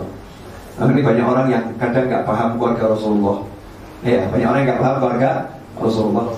Keluarga Rasulullah itu SAW ya meliputi otomatis ya paman Rasulullah, bibi Rasulullah, ya orang tua Rasulullah, kakek Rasulullah, kemudian uh, istri-istri Rasulullah SAW, kemudian keponakannya Rasulullah. Kalau kalau ada keponakan, tapi Rasul kan nggak punya kakak, nggak punya adik. Kemudian uh, sepupu Rasulullah SAW, kemudian anaknya Rasulullah, cucunya Rasulullah, terus ke bawah zuriyahnya keturunannya sampai yaumul kiamah. Ini keluarga Nabi Muhammad SAW dengan catatan yang memeluk agama Allah Subhanahu wa taala. Nah, nah keluarga Rasulullah ini memang punya keistimewaan. Keluarga Rasulullah punya keistimewaan dibandingkan keluarganya orang lain. Keistimewaannya apa? Satu, uh, di Al-Quran dikatakan Allah perintahkan kepada Nabi sampaikan kepada mereka semua kamu nggak minta apa-apa nggak minta balasan apa apa kecuali rasa cinta terhadap keluarga rasa cinta pada keluarga Nabi Muhammad SAW sehingga kalau ada seorang muslim nggak mencintai keluarga Nabi berarti dia sudah apa namanya menyalahi apa yang di, diajarkan oleh Allah Subhanahu wa taala. Tidak bisa cuma cinta Nabi nya nggak mau keluar keluarganya. Kalau cinta Nabi harus cinta keluarganya. Seperti apa pun bentuknya. Misal saya punya anak, Ya, kalau anak saya punya anak, saya punya cucu. Ada orang aku cinta sama saya, tapi nyakitin cucu saya. Kira-kira saya senang sama orang itu? Nggak senang. Tapi ada orang yang yang jengkelkan saya, tapi dia menyenangkan cucu saya. Dia katakan, dia sama cucu saya baik kok. Timbul simpati, simpati gitu, simpati. Itu dalam kehidupan biasa saja seperti seperti itu. Apalagi terhadap Nabi Muhammad Shallallahu Alaihi Wasallam keluarga Rasulullah, ada istri Rasulullah dan lain sebagainya, anak cucu Rasul. Nah, keistimewaan kedua dalam sholat didoakan seluruh umat Islam di seluruh penjuru dunia. Allahumma sholli ala sayyidina Muhammadin wa ala ali sayyidina Muhammad. Itu tiap sholat ya didoakan oleh umat Islam seluruh penjuru dunia. Satu hari itu lima wak waktu belum termasuk sunnahnya. Kira-kira selamat atau enggak selamat? Nah, insya Allah dengan dengan ini itu bisa selamat. Makanya kalau ada anak cucu Rasulullah SAW perilakunya kadang belum pas, perilakunya kadang belum pas. Coba perhatikan ujung-ujungnya atau mendekati ujung itu perilakunya jadi baru berubah. Kenapa? Tiap lima waktu didoakan oleh seluruh umat Islam di seluruh penjuru dunia, dunia. Belum lagi malaikat, belum lagi malah malaikat karena malaikat senantiasa bersolawat pada Rasulullah SAW dan Rasul mengajarkan solawat jangan solawat patro. Kalau solawat juga solawati keluargaku, ya, juga solawati keluarga, keluargaku seperti itu. Nah, di antaranya adalah Sayyidina Ali Zainal Karena di akhir zaman ini banyak orang yang tidak mau uh, apa namanya menghormati keluarga Rasul. Nanti kalau dibilang menghormati keluarga Rasul dituduh Syiah kan lucu kan ya. Uh, ini menghormati keluarga Rasul Fatimah, kemudian Ali, Sina Ali, Sina Hasan, Sina Hussein. Nanti dibilang si Syiah. Oh Syiah itu sesat bagus saya paham. Syiah itu sesat. Tapi menghormati keluarga Nabi itu kewajiban setiap mus Muslim. Ya, kewajiban setiap Muslim menghormati keluarga Nabi Muhammad Sallallahu Alaihi Wasallam. Sayyidina Ali Zainal Abidin ini contoh. Contoh yang luar biasa, berangkat ke masjid, sholat sunnah tahiyatul masjid, di sampingnya juga ada satu orang, selesai salam. Ini cucu Nabi tuh ya. Zamannya kan masih dekat Ali Zainal Abidin ya, Hussein dekat banget. Selesai salam, ada satu orang mengatakan, hei maling. Coba bayangkan, ini kalau ada Habib selesai salam dibilang maling, kira-kira bagaimana ya? Hei Habib kamu maling, kira-kira seperti apa? Ini Sayyidina Ali, hei maling kamu ya, kamu pencuri. Dia nanya dengan baik, kamu kehilangan apa? Gak usah gaya. Ini uang saya yang di kantong ini kamu ambil kan tadi? Ya ada orang lain ada cuma kamu di masjid ini. Saya taruh uang di samping sini kok hilang. Berarti kamu yang ambil gitu. Ya, uang kamu yang hilang berapa? Seribu dinar. Ya udah yuk ikut rumah saya, saya ambilkan uangnya. Diajak santai rumahnya, diambilkan uang seribu dinar. Ini ambil. Kemudian tadi pulang pergi bawa uang seribu dinar sama maki-maki jalan. Oh, nah, cucu nabi gak bener, maling ngambil hartanya orang dan lain sebagainya dan seterusnya dan seterusnya. Sampai rumah buka lemari ternyata orang ini pikun dia ke masjid itu nggak bawa duit duitnya masih di lemari ya. Jadi dompetnya masih di, di lemari ya. Lu ini uang saya masih ada di lemari. Langsung balik Wah, cucu Rasul maafkan. Ternyata saya pikun uang saya ada di rumah. Ini uang kamu sudah maafkan saya caci maki kamu maaf, maafkan saya tolong maafkan saya. Ampun. Jawabannya Zainal Ali Zainal Bidin, kami udah diajarkan kalau mengeluarkan sesuatu jangan ditarik kembali. Ya udah ini seribu dinar hadiah buat kamu. Saya mau nanya ini kira-kira biasa atau luar biasa? Seribu dinar itu kalau cross ya masih seperti dulu satu dinar itu satu juta jadi kalau seribu dinar itu berarti seribu juta satu m satu m haji yang buat kamu kalau masih ada anda akan uji atau akan mencaci Nah, yang mencaci aja dapat seribu sahabat dan satu miliar ya. Yang memuji berapa kira-kira? Yang mencaci dapat satu miliar, apalagi yang mau memuji kan tentu dapat pelayanan yang yang sangat baik juga. Jadi ketika dicaci, dimaki itu bukan bukan marah yang ada, yang ada justru apa namanya? Merendah dan merendah dan merendah, kemudian mengeluarkan sesuatu yang baik. Yang baik. Ini wajah Islam. Nah kalau kita bagaimana? Gak usah jauh-jauh sama orang lain. Mohon maaf, gak usah jauh-jauh sama orang lain. Terhadap pasangan hidupnya sendiri. Kalau dicaci, merendah atau membalas dengan maki. Yang satu rumah ini. Ya. Coba terhadap yang hak kita yang wajib saja Orang tua kita Dimarah orang tua bisa merendah Atau dimarah orang tua agak meninggi ini yang, yang satu rumah dan wajib kita tuh gak boleh ngomong apa Semua orang tua kan harus tunduk luar biasa. Ketika dimaki-maki sama orang tua panas atau tentram hati ini. Ya, ada emosi yang ingin balas gitu ya. Kemudian lari, banting pintu ya, sambil marah atau kemudian maafkan saya Bu, maafkan saya Ayah, seperti itu atau lari dengan marah. Coba ini kita kita ukur diri kita. Yang satu rumah saja kayak terhadap orang yang paling wajib aja kita masih belum beres, apalagi kepada orang lah orang lain. Nah, hadirin yang dimuliakan Allah Ta'ala. Cerita yang kedua. Abdullah bin Ubay bin Salul. Tahu Abdullah bin Ubay bin Salul? Abdullah bin Ubay bin Salul itu uh, kalau di partai itu ada pimpinan tertinggi namanya apa di partai? Hah? Ketua umum, ya, ketua umum, bukan sekjen, bukan ya, ketua umum ya, ketua umum. Bayangkan ini ketua umum kaum munafik seluruh dunia. Keren atau nggak keren? Ra'isul munafikin. Eh, Ra'is kepalanya orang-orang munafik. Anda siap menjadi pimpinan orang munafik? Naudzubillah min beda kan begitu. Ini julukannya Roisul Munafikin. Jadi kira-kira keji atau enggak keji orangnya? Kejinya luar biasa. Selalu pengen Rasulullah celaka. Tapi subhanallah, hikmatullah ya, anaknya namanya juga Abdullah itu sahabat yang luar biasa. Sahabat yang luar biasa. Nah suatu ketika anaknya ini Sayyidina Abdullah dengar kalau ayahnya mau dibunuh. Ayahnya mau dibunuh karena kejahatannya luar biasa mau dibunuh. Maka datang menghadap Nabi Muhammad SAW. Ya Rasulullah, saya dengar katanya ayah saya mau dibunuh. Tolong ya Rasulullah, kalau betul engkau memerintahkan untuk membunuh ayah saya, tolong izinkan saya sendiri yang menggal lehernya. Jangan orang lain. Karena saya nggak mau nanti kalau yang menggal itu muslim yang lain, saya jadi benci pada muslim tersebut. Karena bagaimanapun juga itu ayah saya. Nanti rasa uh, ke, ke anak dan ayah ini akan muncul. Emosi sebagai anak akan muncul muncul ayahku kok dibegitukan? Karena setan bisa bisikin saya seperti itu. Saya nggak punya rasa benci pada seorang muslim. Maka nanti kalau memang ayah saya dibunuh biar saya yang bunuh ya Rasulullah. Coba saya mau nanyain kalau ada perintah bunuh ayahnya dia siap melakukan. Ini cintanya sahabat pada Rasul Rasulullah SAW Rasul mengatakan oh tidak ada, ada perintah seperti itu. Apa kata kata orang nanti nanti Rasulullah katanya bunuh sahabatnya. Tidak saya nggak seperti itu. Sampai akhirnya Abdullah bin Ubay bin Salul ini pindah ke alam baka ya meninggal. Abdullah bin Ubay bin meninggal. Kira-kira ya sebagai seorang pemimpin yang yang akan dibunuh yang selalu di apa ya direkayasa caranya gimana musnah gitu. Terus musuhnya ini meninggal. Senang atau senang? Seharusnya. Seharusnya senang kan?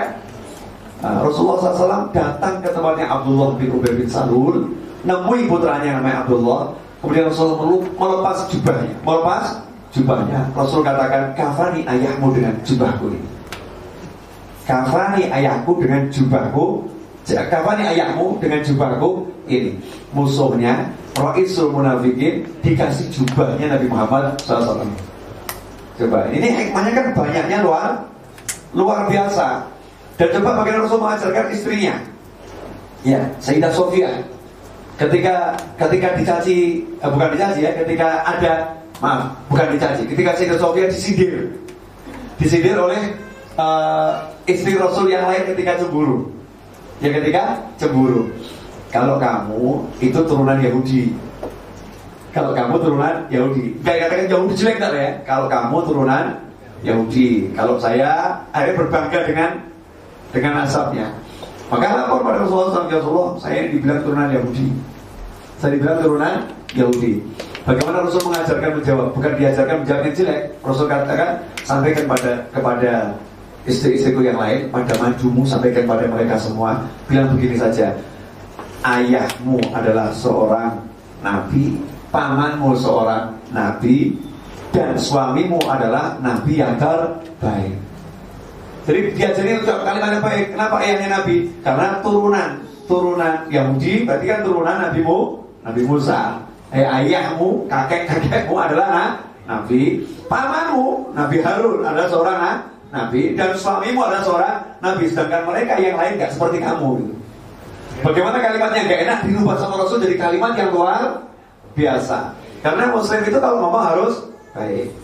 Contoh lagi ketika Sayyidatuna Aisyah ketemu Fatimah Zahra ngobrol. Ceritakan sering kita ungkap ya.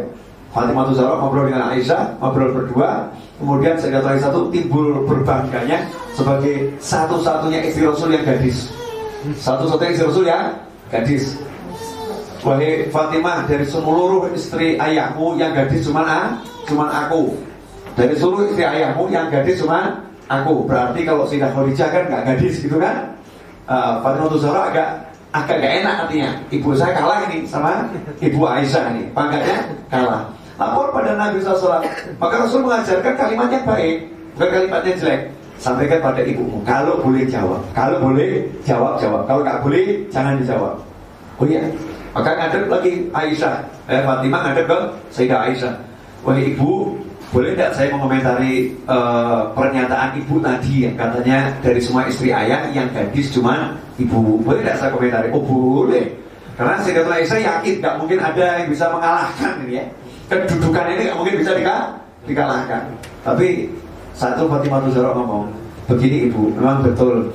Dari seluruh istri ayah itu yang gadis cuma ibu.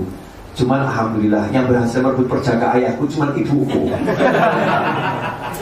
yang berhasil merebut perjaka ayah itu cuma cuma ibuku. Sayyidatuna Aisyah langsung tersenyum sama jengkel gitu ya.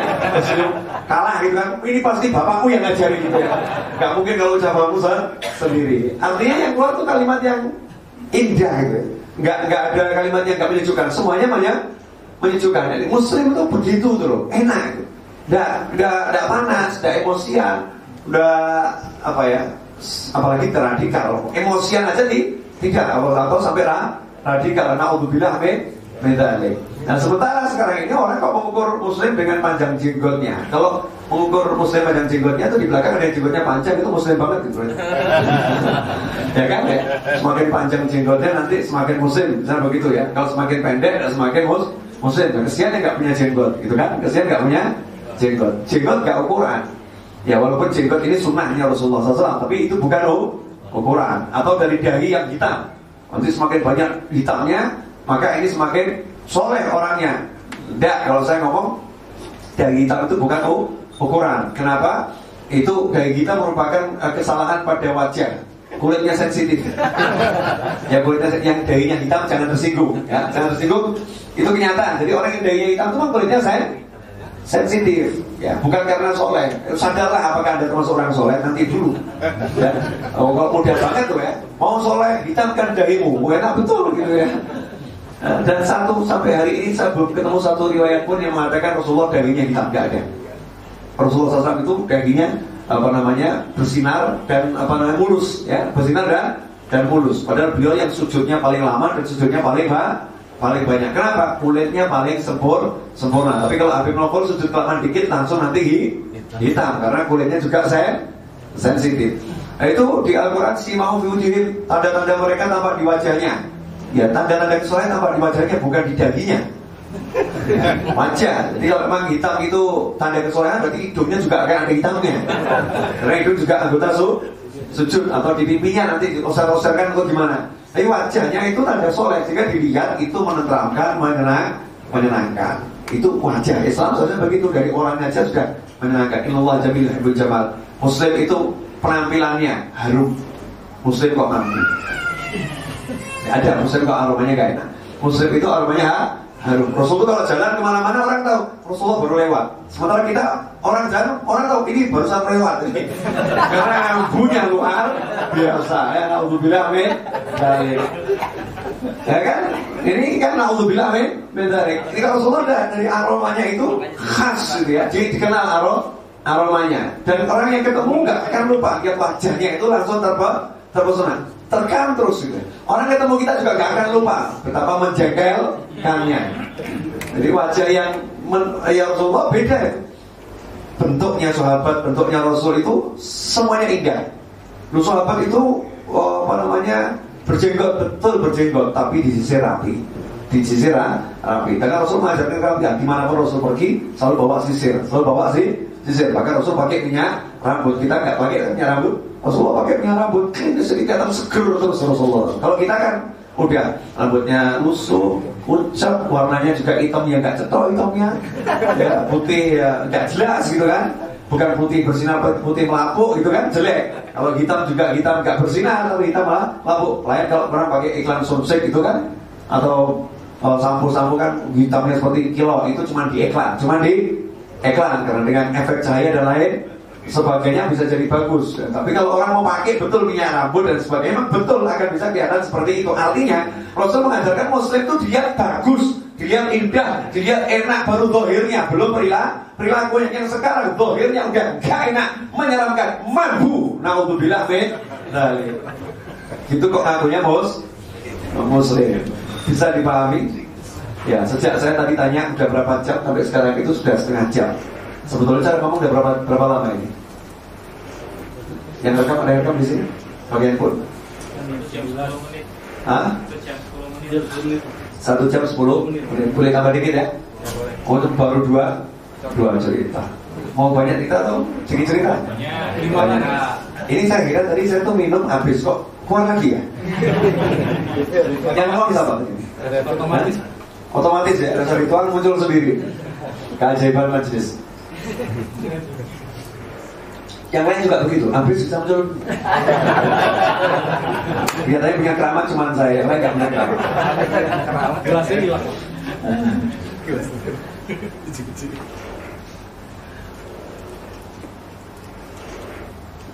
Alhamdulillah. Itu kisah lampau.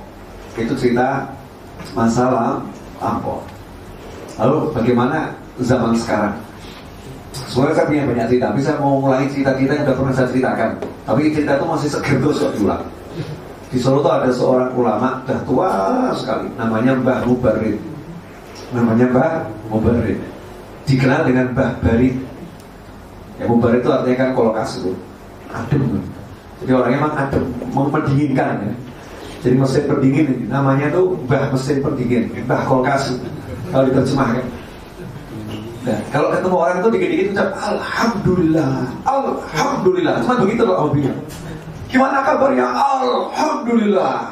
Mantap gitu. Walaupun sudah tua, udah ucap Alhamdulillah itu semangatnya luar biasa. Suatu hari berangkat ke majelis naik sepeda kayu, gitu. sepeda kayu lewat di jalan sama Triadi yang namanya orang tua ya pagi-pagi ditabrak sama anak muda naik motor Nah kira-kira kakek-kakek naik sepeda ditabrak anak muda naik motor itu yang menang siapa? Ya sama jatuhnya kan yang jelas sama jatuhnya. Nah ini Mbak Mubarak ini bangun, Mbak Mubarak ini bangun. Anak muda itu masih terkapar, dia naik motor kan kasus lebih berat ya. Terkapar, didatangi sama Mbak Mubarak, kemudian dipegang tangannya dengan bahasa Jawa yang yang sangat uh, apa namanya bersahabat gitu ya. Lele, gitu ya. Anak orang tua sama anak muda kan bahasa gitu, lele. Makan ke koman ya nabrak aku apa orang? Ya, hei anak muda, kamu dari rumah lagi sudah berniat nabrak saya atau tidak? Jawab, boten mbak, boten mbak. E, tidak mbak, tidak. Sama, saya berangkat juga tidak pernah punya niat untuk ditabrak. Alhamdulillah, ayo pulang. Coba. Paham maksud saya ya? Artinya beliau menampilkan sesuatu yang indahnya luar biasa. Justru peristiwa itu mengajarkan tauhid. Kamu gak niat nabrak, saya gak niat untuk ditabrak. Berarti tabrakan ini maunya Allah Taala. Maunya Allah ini takdirnya. Tugas kita syukur. Alhamdulillah. Udah pergi. Nah, coba sekarang muslim ketemu muslim. Ya Allah, coba perhatikan di Jakarta, di Bandung, di Solo, dan kota-kota besar yang macet. Muslim ketemu muslim, sama-sama pakai kopiah. Itu kalau di gang ketemu gang, mau tubruan, yang ada saling pendirian atau senyum. Coba. Hah? Bukan senyum yang ada langsung menteri dulu nih. Wow, gitu kan ya. Ya satu mulai senyum, yang lain kadang masih masih cemberut gitu, masih cemberut.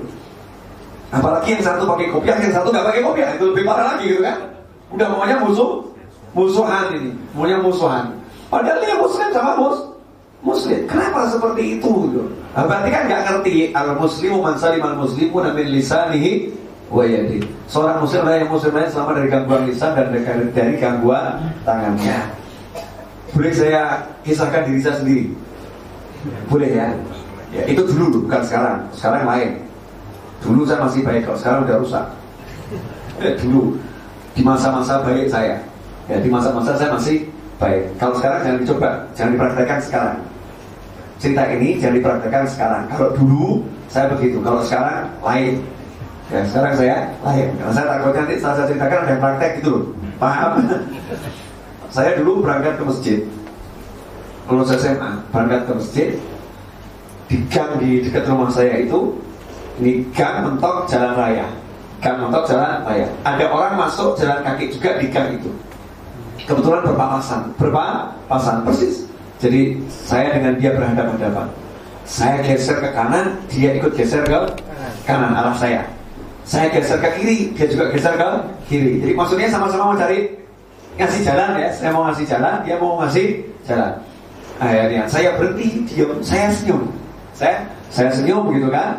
Maksudnya silahkan jalan. Dia maju ke depan, ternyata tangannya bawa batu bata.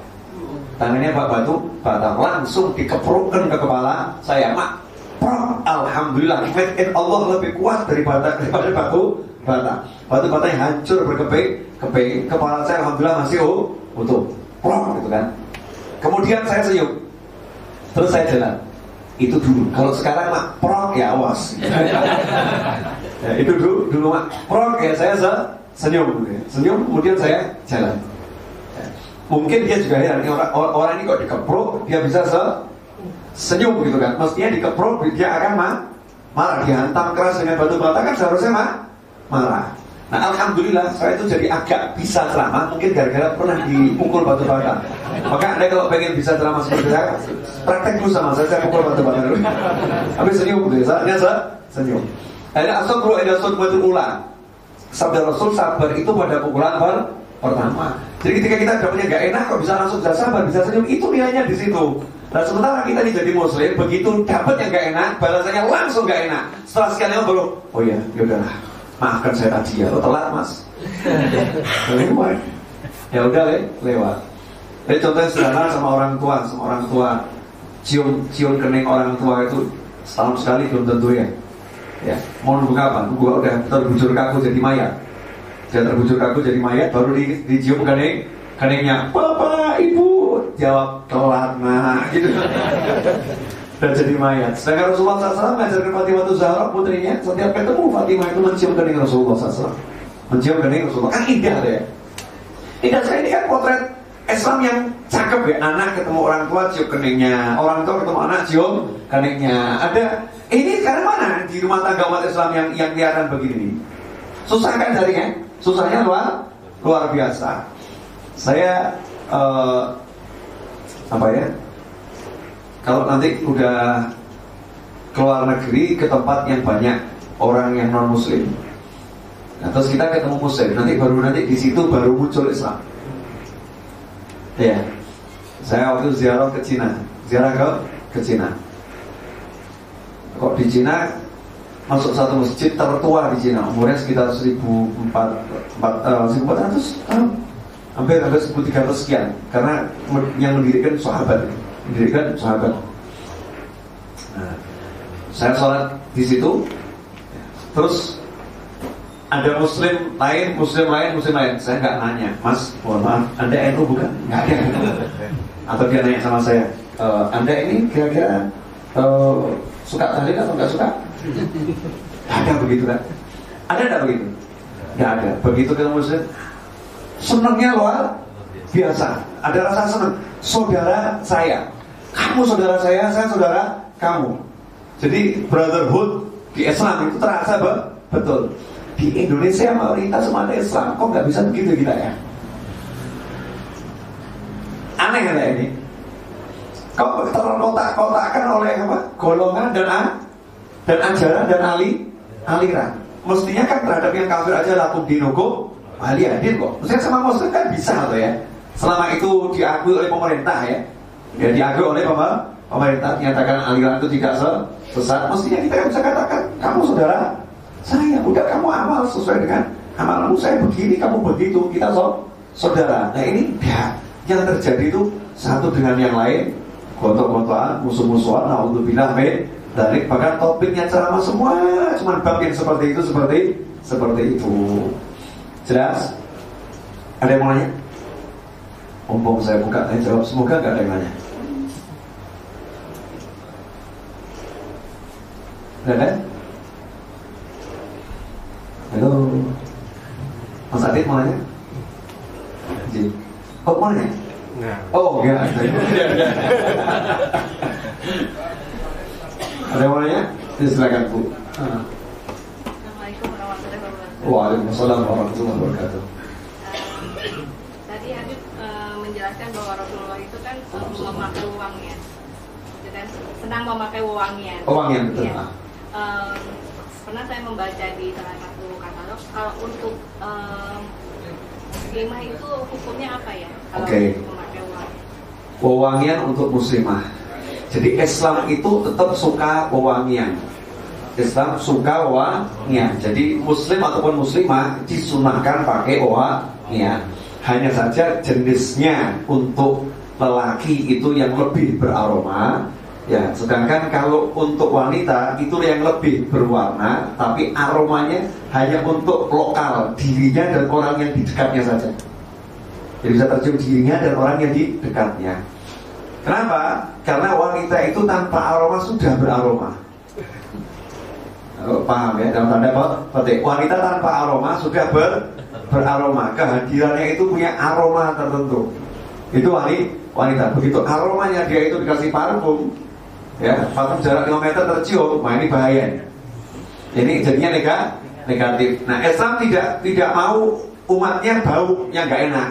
Tapi jangan sampai bau enaknya menyebabkan sesuatu yang negatif negatif gitu kan? Makanya untuk wanita dibatasi aromanya kalau dibawa keluar dari rumahnya maka aromanya harus yang cukup dicium oleh dirinya dan orang di samping sampingnya. Karena kalau orang sampingnya nggak bisa cium namanya bukan aroma kan gitu ya? Yang di sampingnya masih bisa ya tapi kalau jarak sudah 2 meter, 3 meter, 4 meter itu tercium itu suatu yang di, diharamkan di dalam syari, syariat. Karena akan bawa motor motor yang jauh lebih banyak daripada manfaat tapi ketika bertemu dengan suaminya, bertemu dengan anaknya di rumah, ya pakailah aroma yang ter terbaik. Itu kan batasannya ketika untuk berinteraksi dengan orang lain, uh, saya mah mahramnya. Nah kalau sama suaminya pakai aroma yang kira-kira suami di luar kamar, di dalam kamar udah tercium aromanya. Istriku, nah itu bagus ya. Ya kalau kalau di rumah loh ya, di di rumahnya sendiri. Tapi jangan keluar sama suami pakai aroma yang kira-kira jarak 7 meter pria lain bisa mencium. Istri siapa itu ya? Kan repot jadinya kan? Jadinya kan repot. Istri siapa itu ya? Jadinya re repot. Jelas ya bu ya, ada yang lain? Silakan. Nah, tentang riba. Kita kan suka menemukan kalau misalnya di tempat di kantor, hmm. ada teman kita membicarakan sesuatu mengenai orang lain yang sebenarnya kita tidak mau mendengar yeah. sesuatu dari gibah. Ah. Itu bagaimana? Cara menghindar. Uh, ya. Di kantor atau di mana pun berada, tiba-tiba ada teman kita ngajak kita memperbincangkan seseorang. Ya, riba ya, memperbincangkan seseorang tentang ketidakbaikannya. Bagaimana cara kita mengelaknya? Al Habib Abdullah bin Al Haddad radhiyallahu taala mengajarkan segera saja katakan kepadanya maaf saya ada urusan maaf saya ada urusan nggak bisa dengar lebih jauh. Saya ada urusan. Segera aja menying menyingkir. Itu nggak dusta. Meskipun kita nggak ada urusan ya. Itu nggak dusta. Kenapa? Kalau ditanya lebih jauh apa urusanmu? Urusanku adalah meninggalkan dirimu. Itu urusanmu sebetulnya urusanku itu meninggalkan dirimu tapi jangan disebut gitu. Saya ada urusan urusannya apa? Meninggalkan dirimu itu lah urusan tapi jangan disebut itu off the record kan? maaf saya lagi ada urusan. Biasanya orang kalau bilang gitu kan tidak tersinggung. Saya lagi ada ada urusan ada perlu. Langsung kita nyingkir. Kalau yang diajak bicara kita. Tapi kalau kita nggak diajak bicara lagi bicara sama orang lain ya kita menyingkir. Jangan mode dengar. Sebab orang yang orang pendengar ini adalah rekan pembicara. Pendengar rekan bicara. Jadi kalau saya berbicara sendiri ada yang mendengar kan ya nggak ada hasilnya kan? Nah, ketika saya berbicara ada yang mendengar maka pendengar rekan pembicara pahala yang saya dapat didapat juga semua, oleh semua orang yang mendengar. Enak ya? Nah pahala yang mendengar didapat oleh yang berbi berbicara. Karena memang rekan kita partner. Partner. Jelas? Udah menghindar aja pokoknya caranya macam-macam gitu. Saya lagi ada urusan mohon maaf. Lari itu menyingkir urusan apa? Meninggalkan dirimu. Tapi jangan disebutkan menyakitkan kalau disebutkan. Yang lain. Ada lagi? Silakan silakan. Uh, mengenai imamah ada keutamaan imamah nggak nih? Imamah. Masalah imamah atau turban ya. Katakan dalam sebuah riwayat orang yang sholat pakai imamah dibanding orang yang sholat tanpa imamah itu pahalanya terpaut 70 kali lipat. Jadi orang sholat pakai imamah itu derajatnya 70 kali lipat dibandingkan orang yang sholat tanpa imam imamah. Kenapa? Karena memang ada perintah Allah khudu zinatakum indakum di masjid. Setiap kali kamu mau sholat, maka pakailah pakaian kalian yang terbaik. Dan pakaian terbaik itu di antara Rasulullah tidak pernah meninggalkan apa imamahnya ketika ketika sholat itu dipakai.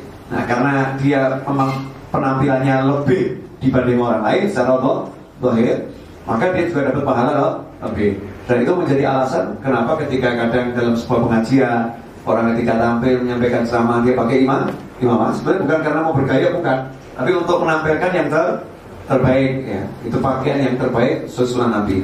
Kadang ada orang mengatakan itu pakaiannya anu tuh orang Arab. Nah ini kadang ya kita untuk jengkel gitu ya.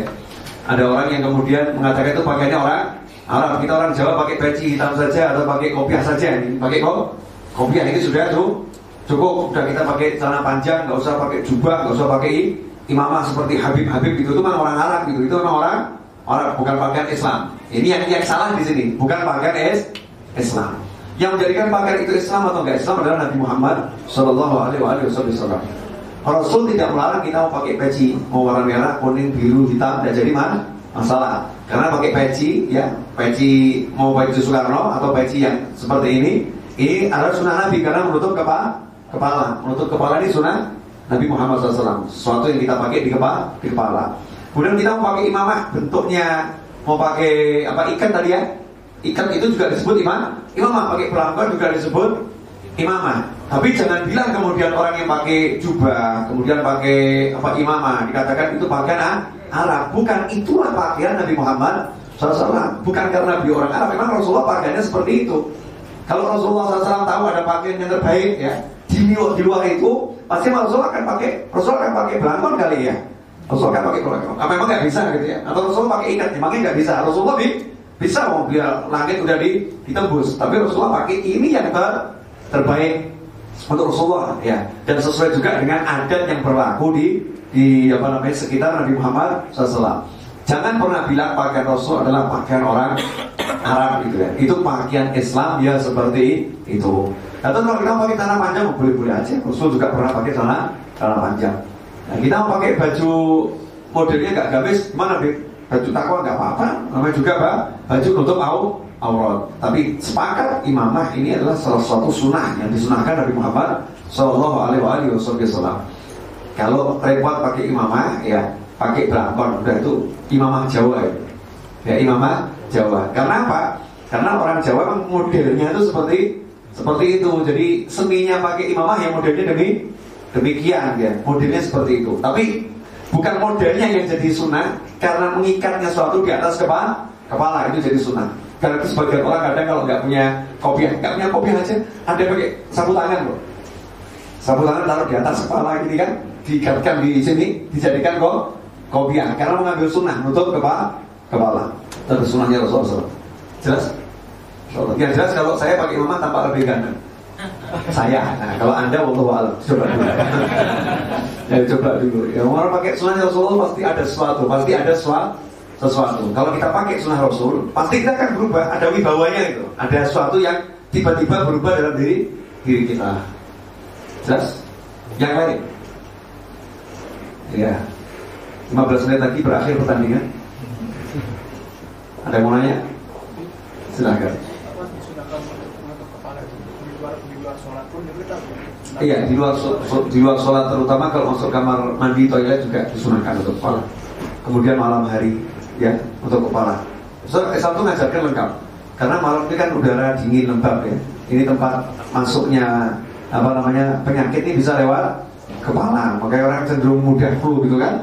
Nah makanya orang yang rajin pakai pakai apa kopi yang rajin begini ya, pakai kopi yang rajin. Syaratnya rajin. Itu insya Allah nggak nggak nggak mudah kena penyakit flu dan sejenis sejenis. Bukan tidak bisa, tapi tidak mau tidak mudah. Kemudian di dalam kamar mandi itu bakteri kan mudah masuk lewat lewat kepala dan lembabnya itu. Maka disunahkan untuk nutup kepala, kepala dan pakai alas alas kaki. Memang Islam itu ngajarkan sudah lengkap. Cuman kitanya aja yang agak ah ribet ah masak masak pakai masuk toilet aja pakai menutup kepala gitu kan. Jelas? Yang lain? Silakan. sebagian dari kita ini bertorikoh ya. Ah. Kalau orang dibenturkan ini kan seolah-olah ah. saya antara sufi, hmm. dengan wahabi atau salafi. Iya. Sementara itu juga bagian dari keluarga kita sebenarnya. Ah. Bahkan anggota keluarga kita sendiri ada yang hmm. berbeda paham. Hmm. Nah, apakah kita perlu ikut serta dalam perdebatan-perdebatan bahkan dalam anggota keluarga sendiri? Hmm. Atau kita nafikan gitu kita ya udahlah kita nggak usah masalah inilah gitu kan pokoknya saling menghargai. Tapi kan kadang-kadang ada celutukan-celutukan gitu. Iya. Yeah. misalnya contohnya bahkan yang hal yang sepele kadang misalnya kita sebut uh, Imam Ali uh, kalau mau bawa wajah. Mereka langsung bilang eh itu kan kalau gelaran kayak gitu tuh syiah syiah gitu ya. Misalnya mereka sendiri ustaz mereka mereka sebut dengan hafizahullah misalnya. Ya mungkin artinya Allah semoga Allah menjaganya. Iya. Jadi gimana enaknya gitu? gimana enaknya? Kemudian kita jadi jadi bertanya karena menyumbang masjid kita tahu pengurusnya gimana? Gitu, oke. Okay. gitu gitu gitu? Ya. Ini pertanyaan yang saya tunggu-tunggu dari tadi. Ya. Pertanyaannya seorang untuk yang di rumah mungkin tadi nggak dengar ya nggak dengar. Uh, bicara tentang wajah Islam itu seperti sepertinya sekarang kalau zaman sekarang ini antara sufi dan yang non sufi. Ya sufi dan yang non sufi. Yang non sufi ini juga macam-macam. Ada yang uh, wahabi ataupun yang tidak wah, wahabi uh, kemudian seperti dibenturkan gitu kan dalam perdebatan ya Islam itu tasawuf Islam itu salafi gitu kan ya seperti seperti itu. Terus bagaimana sikap kita ini sebaiknya menyikapi yang seperti ini tuh sebaiknya bagai bagaimana? Ya tadi itu kembali ya sederhana sebetulnya. Muslim itu yang Islam lain sama dari gangguan lisan dan tangannya. Kalau ada orang bodoh mencaci dan memaki jawabannya muka-muka kamu selamat selamat. Itu kan pakemnya ya pokoknya seperti seperti itu. Tentunya dengan rana yang berbeda ketika ketika ditanya. Ditanya bagaimana hukum maka kita harus menjelaskan hukum tanpa ya tanpa harus menjelek-jelekkan orang lain. Seperti Rasulullah SAW ketika menjelaskan Islam ya, tanpa menjelek-jelekkan sesembahan orang orang lain. Bahkan ketika Rasul menghancurkan berhala itu baca terus secara Fathul Mekah Rasul ketika menghancurkan berhala tidak ada emosi Pau, seperti yang orang sekarang digambarkan tuh yang baik kalau berapa, wow hancurkan gitu ya. Rasul nggak begitu. Di, didorong cuma dengan tongkatnya dengan lembut, ya. dorongnya dengan dengan lembut, dengan tawadu, dengan merendahkan merendahkan diri. Jadi sampai geraknya semua itu nggak ada emosi gitu ya. Geraknya dengan merendahkan merendahkan diri. Nggak ada seperti luapan amarah dan lain sebagainya.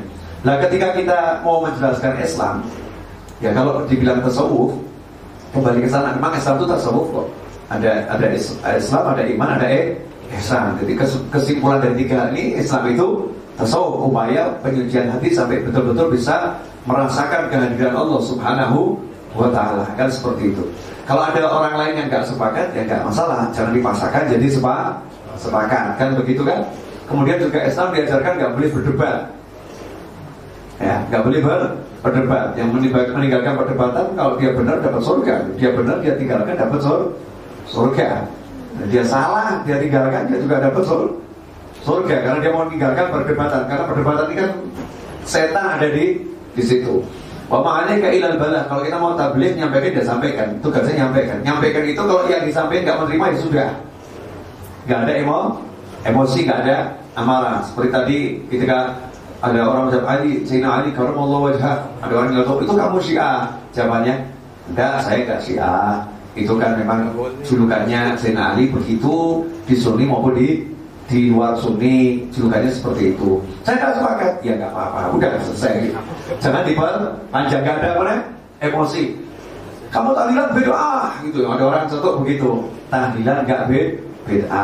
Tahlilan itu sunnah Nabi. Dalilnya ada seperti ini. Wah nggak bisa. Ya udah, kamu kalau nggak percaya ya su sudah dibuat salah selesai. Ini ketika kita berhadapan-hadapan dengan yang lain itu seperti itu. Tapi ketika dalam dalam ranah menyampaikan ilmu, menyampaikan ilmu di, di kalangan yang ter, apa namanya terbatas gitu ya, bukan di khalayak ramai yang yang hadir itu macam-macam, makanya diterangkan secara detail, ya diterangkan secara detail dari dalilnya, sumber-sumbernya, hukumnya dan lain sebagainya. Nah terus pertanyaannya, sebetulnya kalau bicara Islam tuh nanti lagi toriko yang betul yang mana? Mohon maaf, Kadang orang bertoriko pun menyalahkan toriko yang lain, apalagi uh, ajaran yang lain.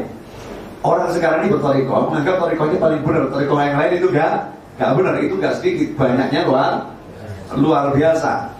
Ya, padahal toriko itu apa kan? Nah, toriko itu jalan. Kemarin saya bahas di, di Solo. Toriko itu jalan. Metode, cara. Nah, metode cara jalan itu diambil dari dari sahabatnya Rasulullah SAW ketika meneladani Nabi Muhammad SAW. Karena sahabat itu meneladani Rasul sesuai dengan dengan dengan kondisi hatinya masing masing.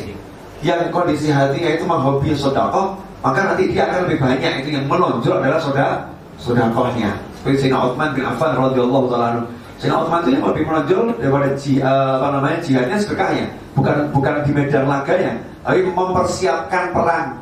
Membiayai peperangan ya kan? Membeli sumur eh, tampaknya menonjol di, di situ sama Abid Sayyidina Uthman ini seorang yang ahli ibadah. Ibadah hidupnya ngaji terus. Dia tarik aja di di sana. Bukan nampaknya seperti Sayyidina Ali bin Abi Thalib. Sayyidina Ali ini panglima perang.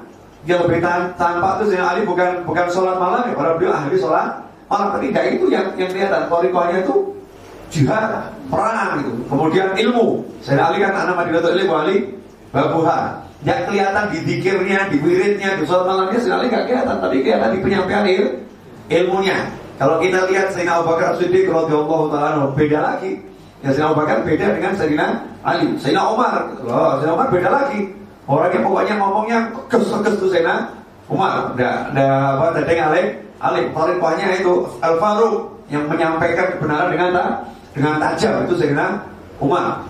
Kemudian suka bantu fukara wal masakin. Yang lebih tampak di situ Sayyidina Umar tarikohnya bantu orang Melayani orang itu tarikahnya Sayyidina Umar Ibn Khattab radhiyallahu taala tidak kelihatan bagaimana sholat malamnya, bagaimana puasa siangnya tidak kelihatan. Lain dengan Abu Darda radhiyallahu taala Abu, Abu Darda lebih kelihatan sholat malamnya, puasa siangnya, sholat malamnya, puasa siangnya. Karena memangnya tarikahnya itu sholat malam, puasa puasa siang. Ada satu sahabat lagi yang tarikahnya cuma sholat kok.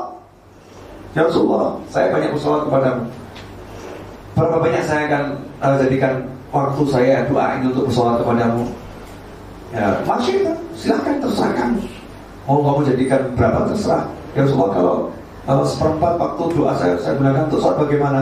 Masih terserah kamu tapi kalau kamu tambah lebih bagus. Kamu tambah lebih bagus sampai akhirnya ya Rasulullah kalau begitu saya jadikan seluruh waktu saya untuk sholat kepadamu jawab ya Rasulullah kalau begitu itu untuk warahmat kalau begitu apa yang kamu inginkan akan akan dipenuhi dan dosamu dia diampuni ya ini kalau cuma sholat Solawat terus, nggak bahas ke Al-Quran nih, nggak bahas ngaji yang dibahas, nggak yang dibahas sholat, solawat. Ada lagi sahabat yang tadi banyak baca Al-Quran. Ya, Abu Musa al itu ngaji terus. Abu Musa al-Syari radhiyallahu tahun sampai di rumahnya, beliau kumpulkan masyarakat sekitar, beliau baca Al-Quran, yang lain suruh mendengar, mendengarkan. Kualitasnya Abu Musa al adalah baca Al, baca Al-Quran, kan seperti itu. Nah kalau orang bertorikoh sebetulnya kan sesuai dengan kondisi hatinya. Contoh di torikoh Hakani Naksabandi dengan segala hormat ya. Memang semua torikoh zikirnya ada tahlilnya ada solawatnya ada gitu kan? Tapi apakah naksabandi torikoh ini yang tampak yang tampak itunya tidak kan? Tidak tampak la ilaha illallah tidak tampak. Sekarang semua torikoh ya la ilaha illallah tapi kalau naksabandi lebih tampak pada uh, solawatnya ketika bersolawat ada gerakan tuh tubuh menikmati solawat ya kan dengan tabuan rebana itu yang buat pengikut toriko ini lebih langsung bisa nyambung kepada Allah Subhanahu wa taala. Berarti toriko dia memang ciri khasnya di di situ. Akhirnya TKN misalnya, Surya Laya gitu. Nah, atau yang lain. Karena TKN macam-macam, ada TKN Surya Laya, ada uh, kalau yang Naksabandiyahnya uh, apa namanya? Surabaya itu. Iya, sorry, ya kan? Ya, sorry Surabaya. Didik, TKN macam-macam banyak, TKN itu banyak. Bukan cuma di Surya Surya Laya. Kalau TKN Surya Laya, TKN Surya Laya. Ada Toyko Kodiri, ada Syabandianya, ya As Asrori. Nanti ada TKN-nya siapa lagi? Saya pernah ketemu TKN di Jam, di Jambi. Kodiri dan Syabandia tapi dari Jam, Jambi beda gitu ya. Tapi nanti yang menonjol apa? Ya, lebih banyak untuk baca manakibnya. Baca mana? manakibnya. Jadi menonjol itu manakipannya gitu. Di takian ya manakipannya. Khusus yang nggak laya mungkin menonjol di uh, dikir la ilaha illallahnya. Jadi takian laya beda dengan takian yang lain apa? Dia lebih menonjolkan la ilallah dan mana? Manakibnya. Takian ini menonjolkan mana? Manakibnya. Kalau takian jambi saya lihat kalau menonjolkan manakibnya sama adalah alur khairatnya solawatnya apa yang menonjol itu sesuai dengan kondisi gurunya kondisi gurunya. Dan pengikut itu cari yang cocok cari yang cocok. Nah, orang sukanya rujak dipaksa makan sate kan nggak bisa loh ya udah yang makan rujak makan rujak. Yang makan sate makan sate. Yang penting semua pada ma makan gitu. Semua pada makan. Itu sebetulnya tori toriko metode yang disesuaikan dengan kondisi ha, hati kondisi jiwa muridnya dan kondisi jiwa guru gurunya. Nah kalau udah tahu begitu kan nggak ada loh kemudian memaksa wajah Islam satu tidak mungkin wajah Islam itu satu tidak mungkin Islam itu wajahnya yaitu beraneka ragam. Makanya ada orang yang sebetulnya eh, teman-teman uh, yang yang mengatakan kembali pada Al-Quran dan Sunnah, ya kan sudah bagus sholatnya kenceng, ya. ngajinya kan kenceng. Ya udah, torikonya perbanyak sholat dan memperbanyak baca Al Al-Quran. Ya kamu itu tekuni itu, jangan salahkan yang lain. Insya Allah kamu akan sampai pada Allah Subhanahu wa Ta'ala. Saya tidak bicara akidahnya ya, kita bicara dari cara ibadah, eh, ibadahnya. Sementara kita misalnya, kita ya sholat Alhamdulillah, ngaji Alhamdulillah ada plusnya misalnya. Kita juga mau bu, musik gitu. Karena Rasulullah juga tidak melarang musik secara mutlak. Musik yang melupakan pada Allah itu yang dilarang. dilarang. Ini ada pakai reba, rebana. Ya udah biarin dia yang musik dengan musiknya. Nah kalau ada orang lagi musik yang nggak suka musik marah-marah. Eh jangan pakai musik ya. Musik itu nggak enak. Ini cuma mengganggu, memekakkan telinga telinga gitu kan. Yang jago musik ngomong ini hatimu mati, masa dengan suara musik gak bisa tergerak. Nah, masa dengan suara musik kamu gak gak enak. Nah kalau begitu kan gak ada habis, gak ada habisnya. Jadi yang paling enak itu kalau ada yang ngomong ya ucapannya ya udahlah mudah-mudahan kamu jalankan yang kamu jalankan saya jalankan yang saya jalankan lain kapasitasnya kalau guru ngajar itu ber, berbeda nah saya ada apa namanya e, contoh dalam kitab Rawdul Royahin Kitab Rawdul Royahin itu Imam Yafi Di mukadimahnya itu bagus. Kitab ini saya tulis ya Sebetulnya ada perawinya langsung Sampai yang pertama kali menceritakan. Karena saya cuma cerita-cerita semua. Jadi sumbernya cerita ini dari siapa? Asalnya sebetulnya Sanatnya itu sampai ke saya ada semua. Tapi sengaja saya hilangkan sanatnya Langsung saja pada sanat yang teratas Anfulan, anfulan cerita begini. Kenapa? Karena orang yang percaya, gak usah disebutkan sanatnya, dia tetap percaya. Kalau orang yang gak percaya, saya sebutkan sanatnya sepanjang apa pun, dia tetap tidak percaya. Jadi ngapain jadi buat buku niat jadi orang yang gak percaya? Itu capek gitu kan? Atau memuaskan orang yang percaya, udah percaya kok, buang-buang waktu. Imam Yafi'i ambil jalan yang dia pokoknya udah saya sedikit aja syaratnya disebutkan sanatnya dikit sebutkan gitu ya. Tanpa ada niatan membuat orang ber percaya yang percaya boleh, nggak percaya juga boleh yang percaya ya pasti percaya, nggak percaya pasti tidak akan percaya. Artinya tidak mau memaksakan pendapatnya kepada orang lain. Itu sebenarnya sikapnya muslim kan begitu. Jadi dia jalan aja lempeng tanpa ganggu orang lain. Dia jalani ajarannya se sendiri sambil dia ngajak oke, okay, tapi nggak ganggu orang orang lain. Kurang lebih begitu. Sebenarnya cantik atau nggak cantik ya? Nah, kalau bisa begitu kan can, cantiknya luar biasa. Saya masuk masjid. Saya masuk masjid saya lihat ada satu muslim yang saya nggak tahu nih madhabnya apa. Ya madhabnya apa tapi saya lihat wajahnya itu menyenang menyenangkan.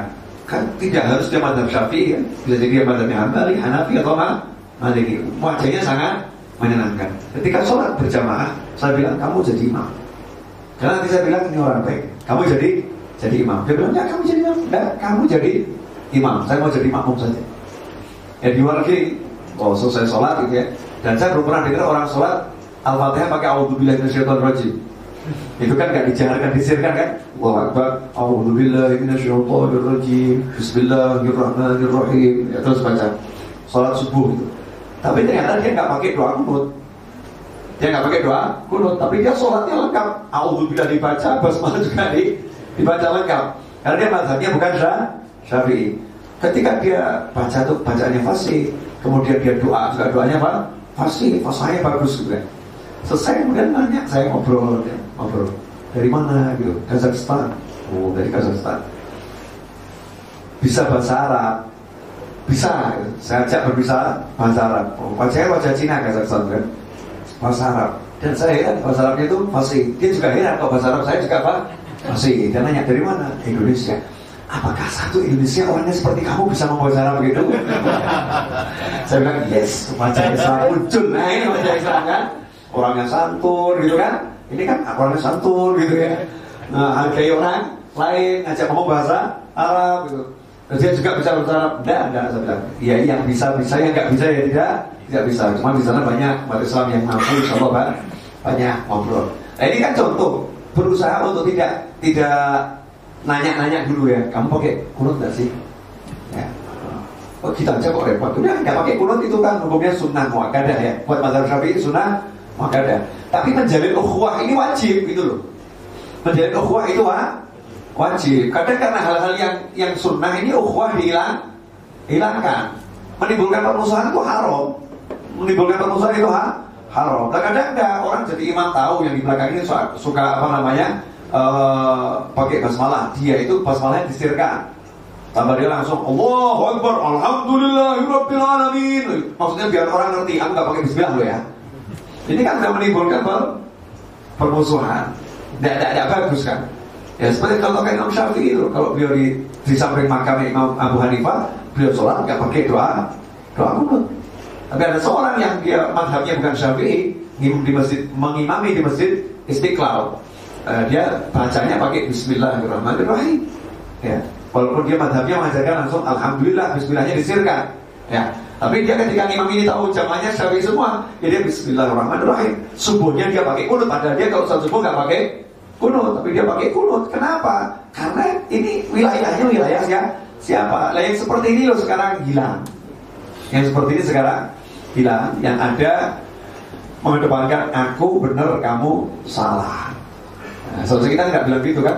Ya, aku benar, mudah-mudahan kamu juga benar ya kan? Kalau aku muslim mudah-mudahan kamu nanti masuk Islam. Kan begitu? Tidak. Aku muslim kamu kafir kamu neraka. Nah untuk bilang ini jadi beda gitu tidak ada Islam tuh sampai saya bilang sama teman-teman saya kita ini kan disuruh jualan Islam. Suruh jualan Islam. Agama ini biar dibeli kan perdagangan bahasa Allah kan biar dibeli sama orang lain bagaimana kita bisa menjual barang pada orang yang udah kita usir Bagaimana kita bisa menjual barang pada orang yang kita musuhi?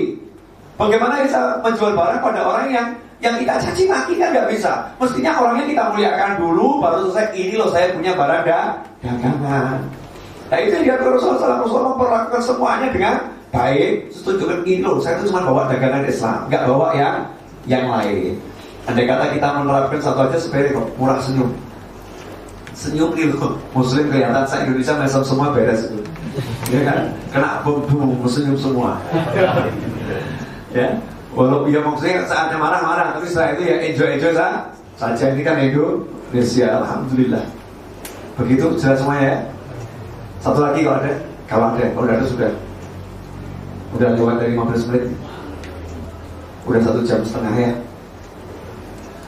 Terakhir ada kalau ada saya mau nanya nih pertanyaan sederhana dan sepele sepele luar biasa. Kalau begitu kita udah udah muslim beneran atau muslim KTP? Walaupun Islam kita udah KTP kan, ya sholat, alhamdulillah, puasa, alhamdulillah, zakat, alhamdulillah, itu kan rukun Islam dijalankan. Tapi baru sekedar nama Islam. Tapi muslim yang betul-betul muslim seperti yang disebut Rasul kita sudah belum. Masih apa namanya masih masih jauh ya masih masih adho gitu kan?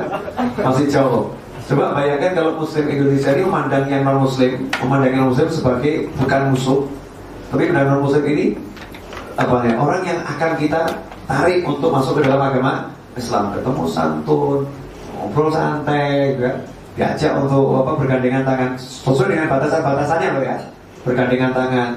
Kira-kira indah nggak Islam di Indonesia ini? Akan jadi kunjungan wisata terbesar di dunia. Kalau mau tahu ya, apa surga Indonesia Kenapa? Orangnya baik, baik. Orangnya murah, senyum. Saya tahu di Cina itu di satu wilayah, saya lupa ya. Satu wilayah. Itu setiap sholat lima waktu semua, seluruh warga wilayah itu di masjid semua.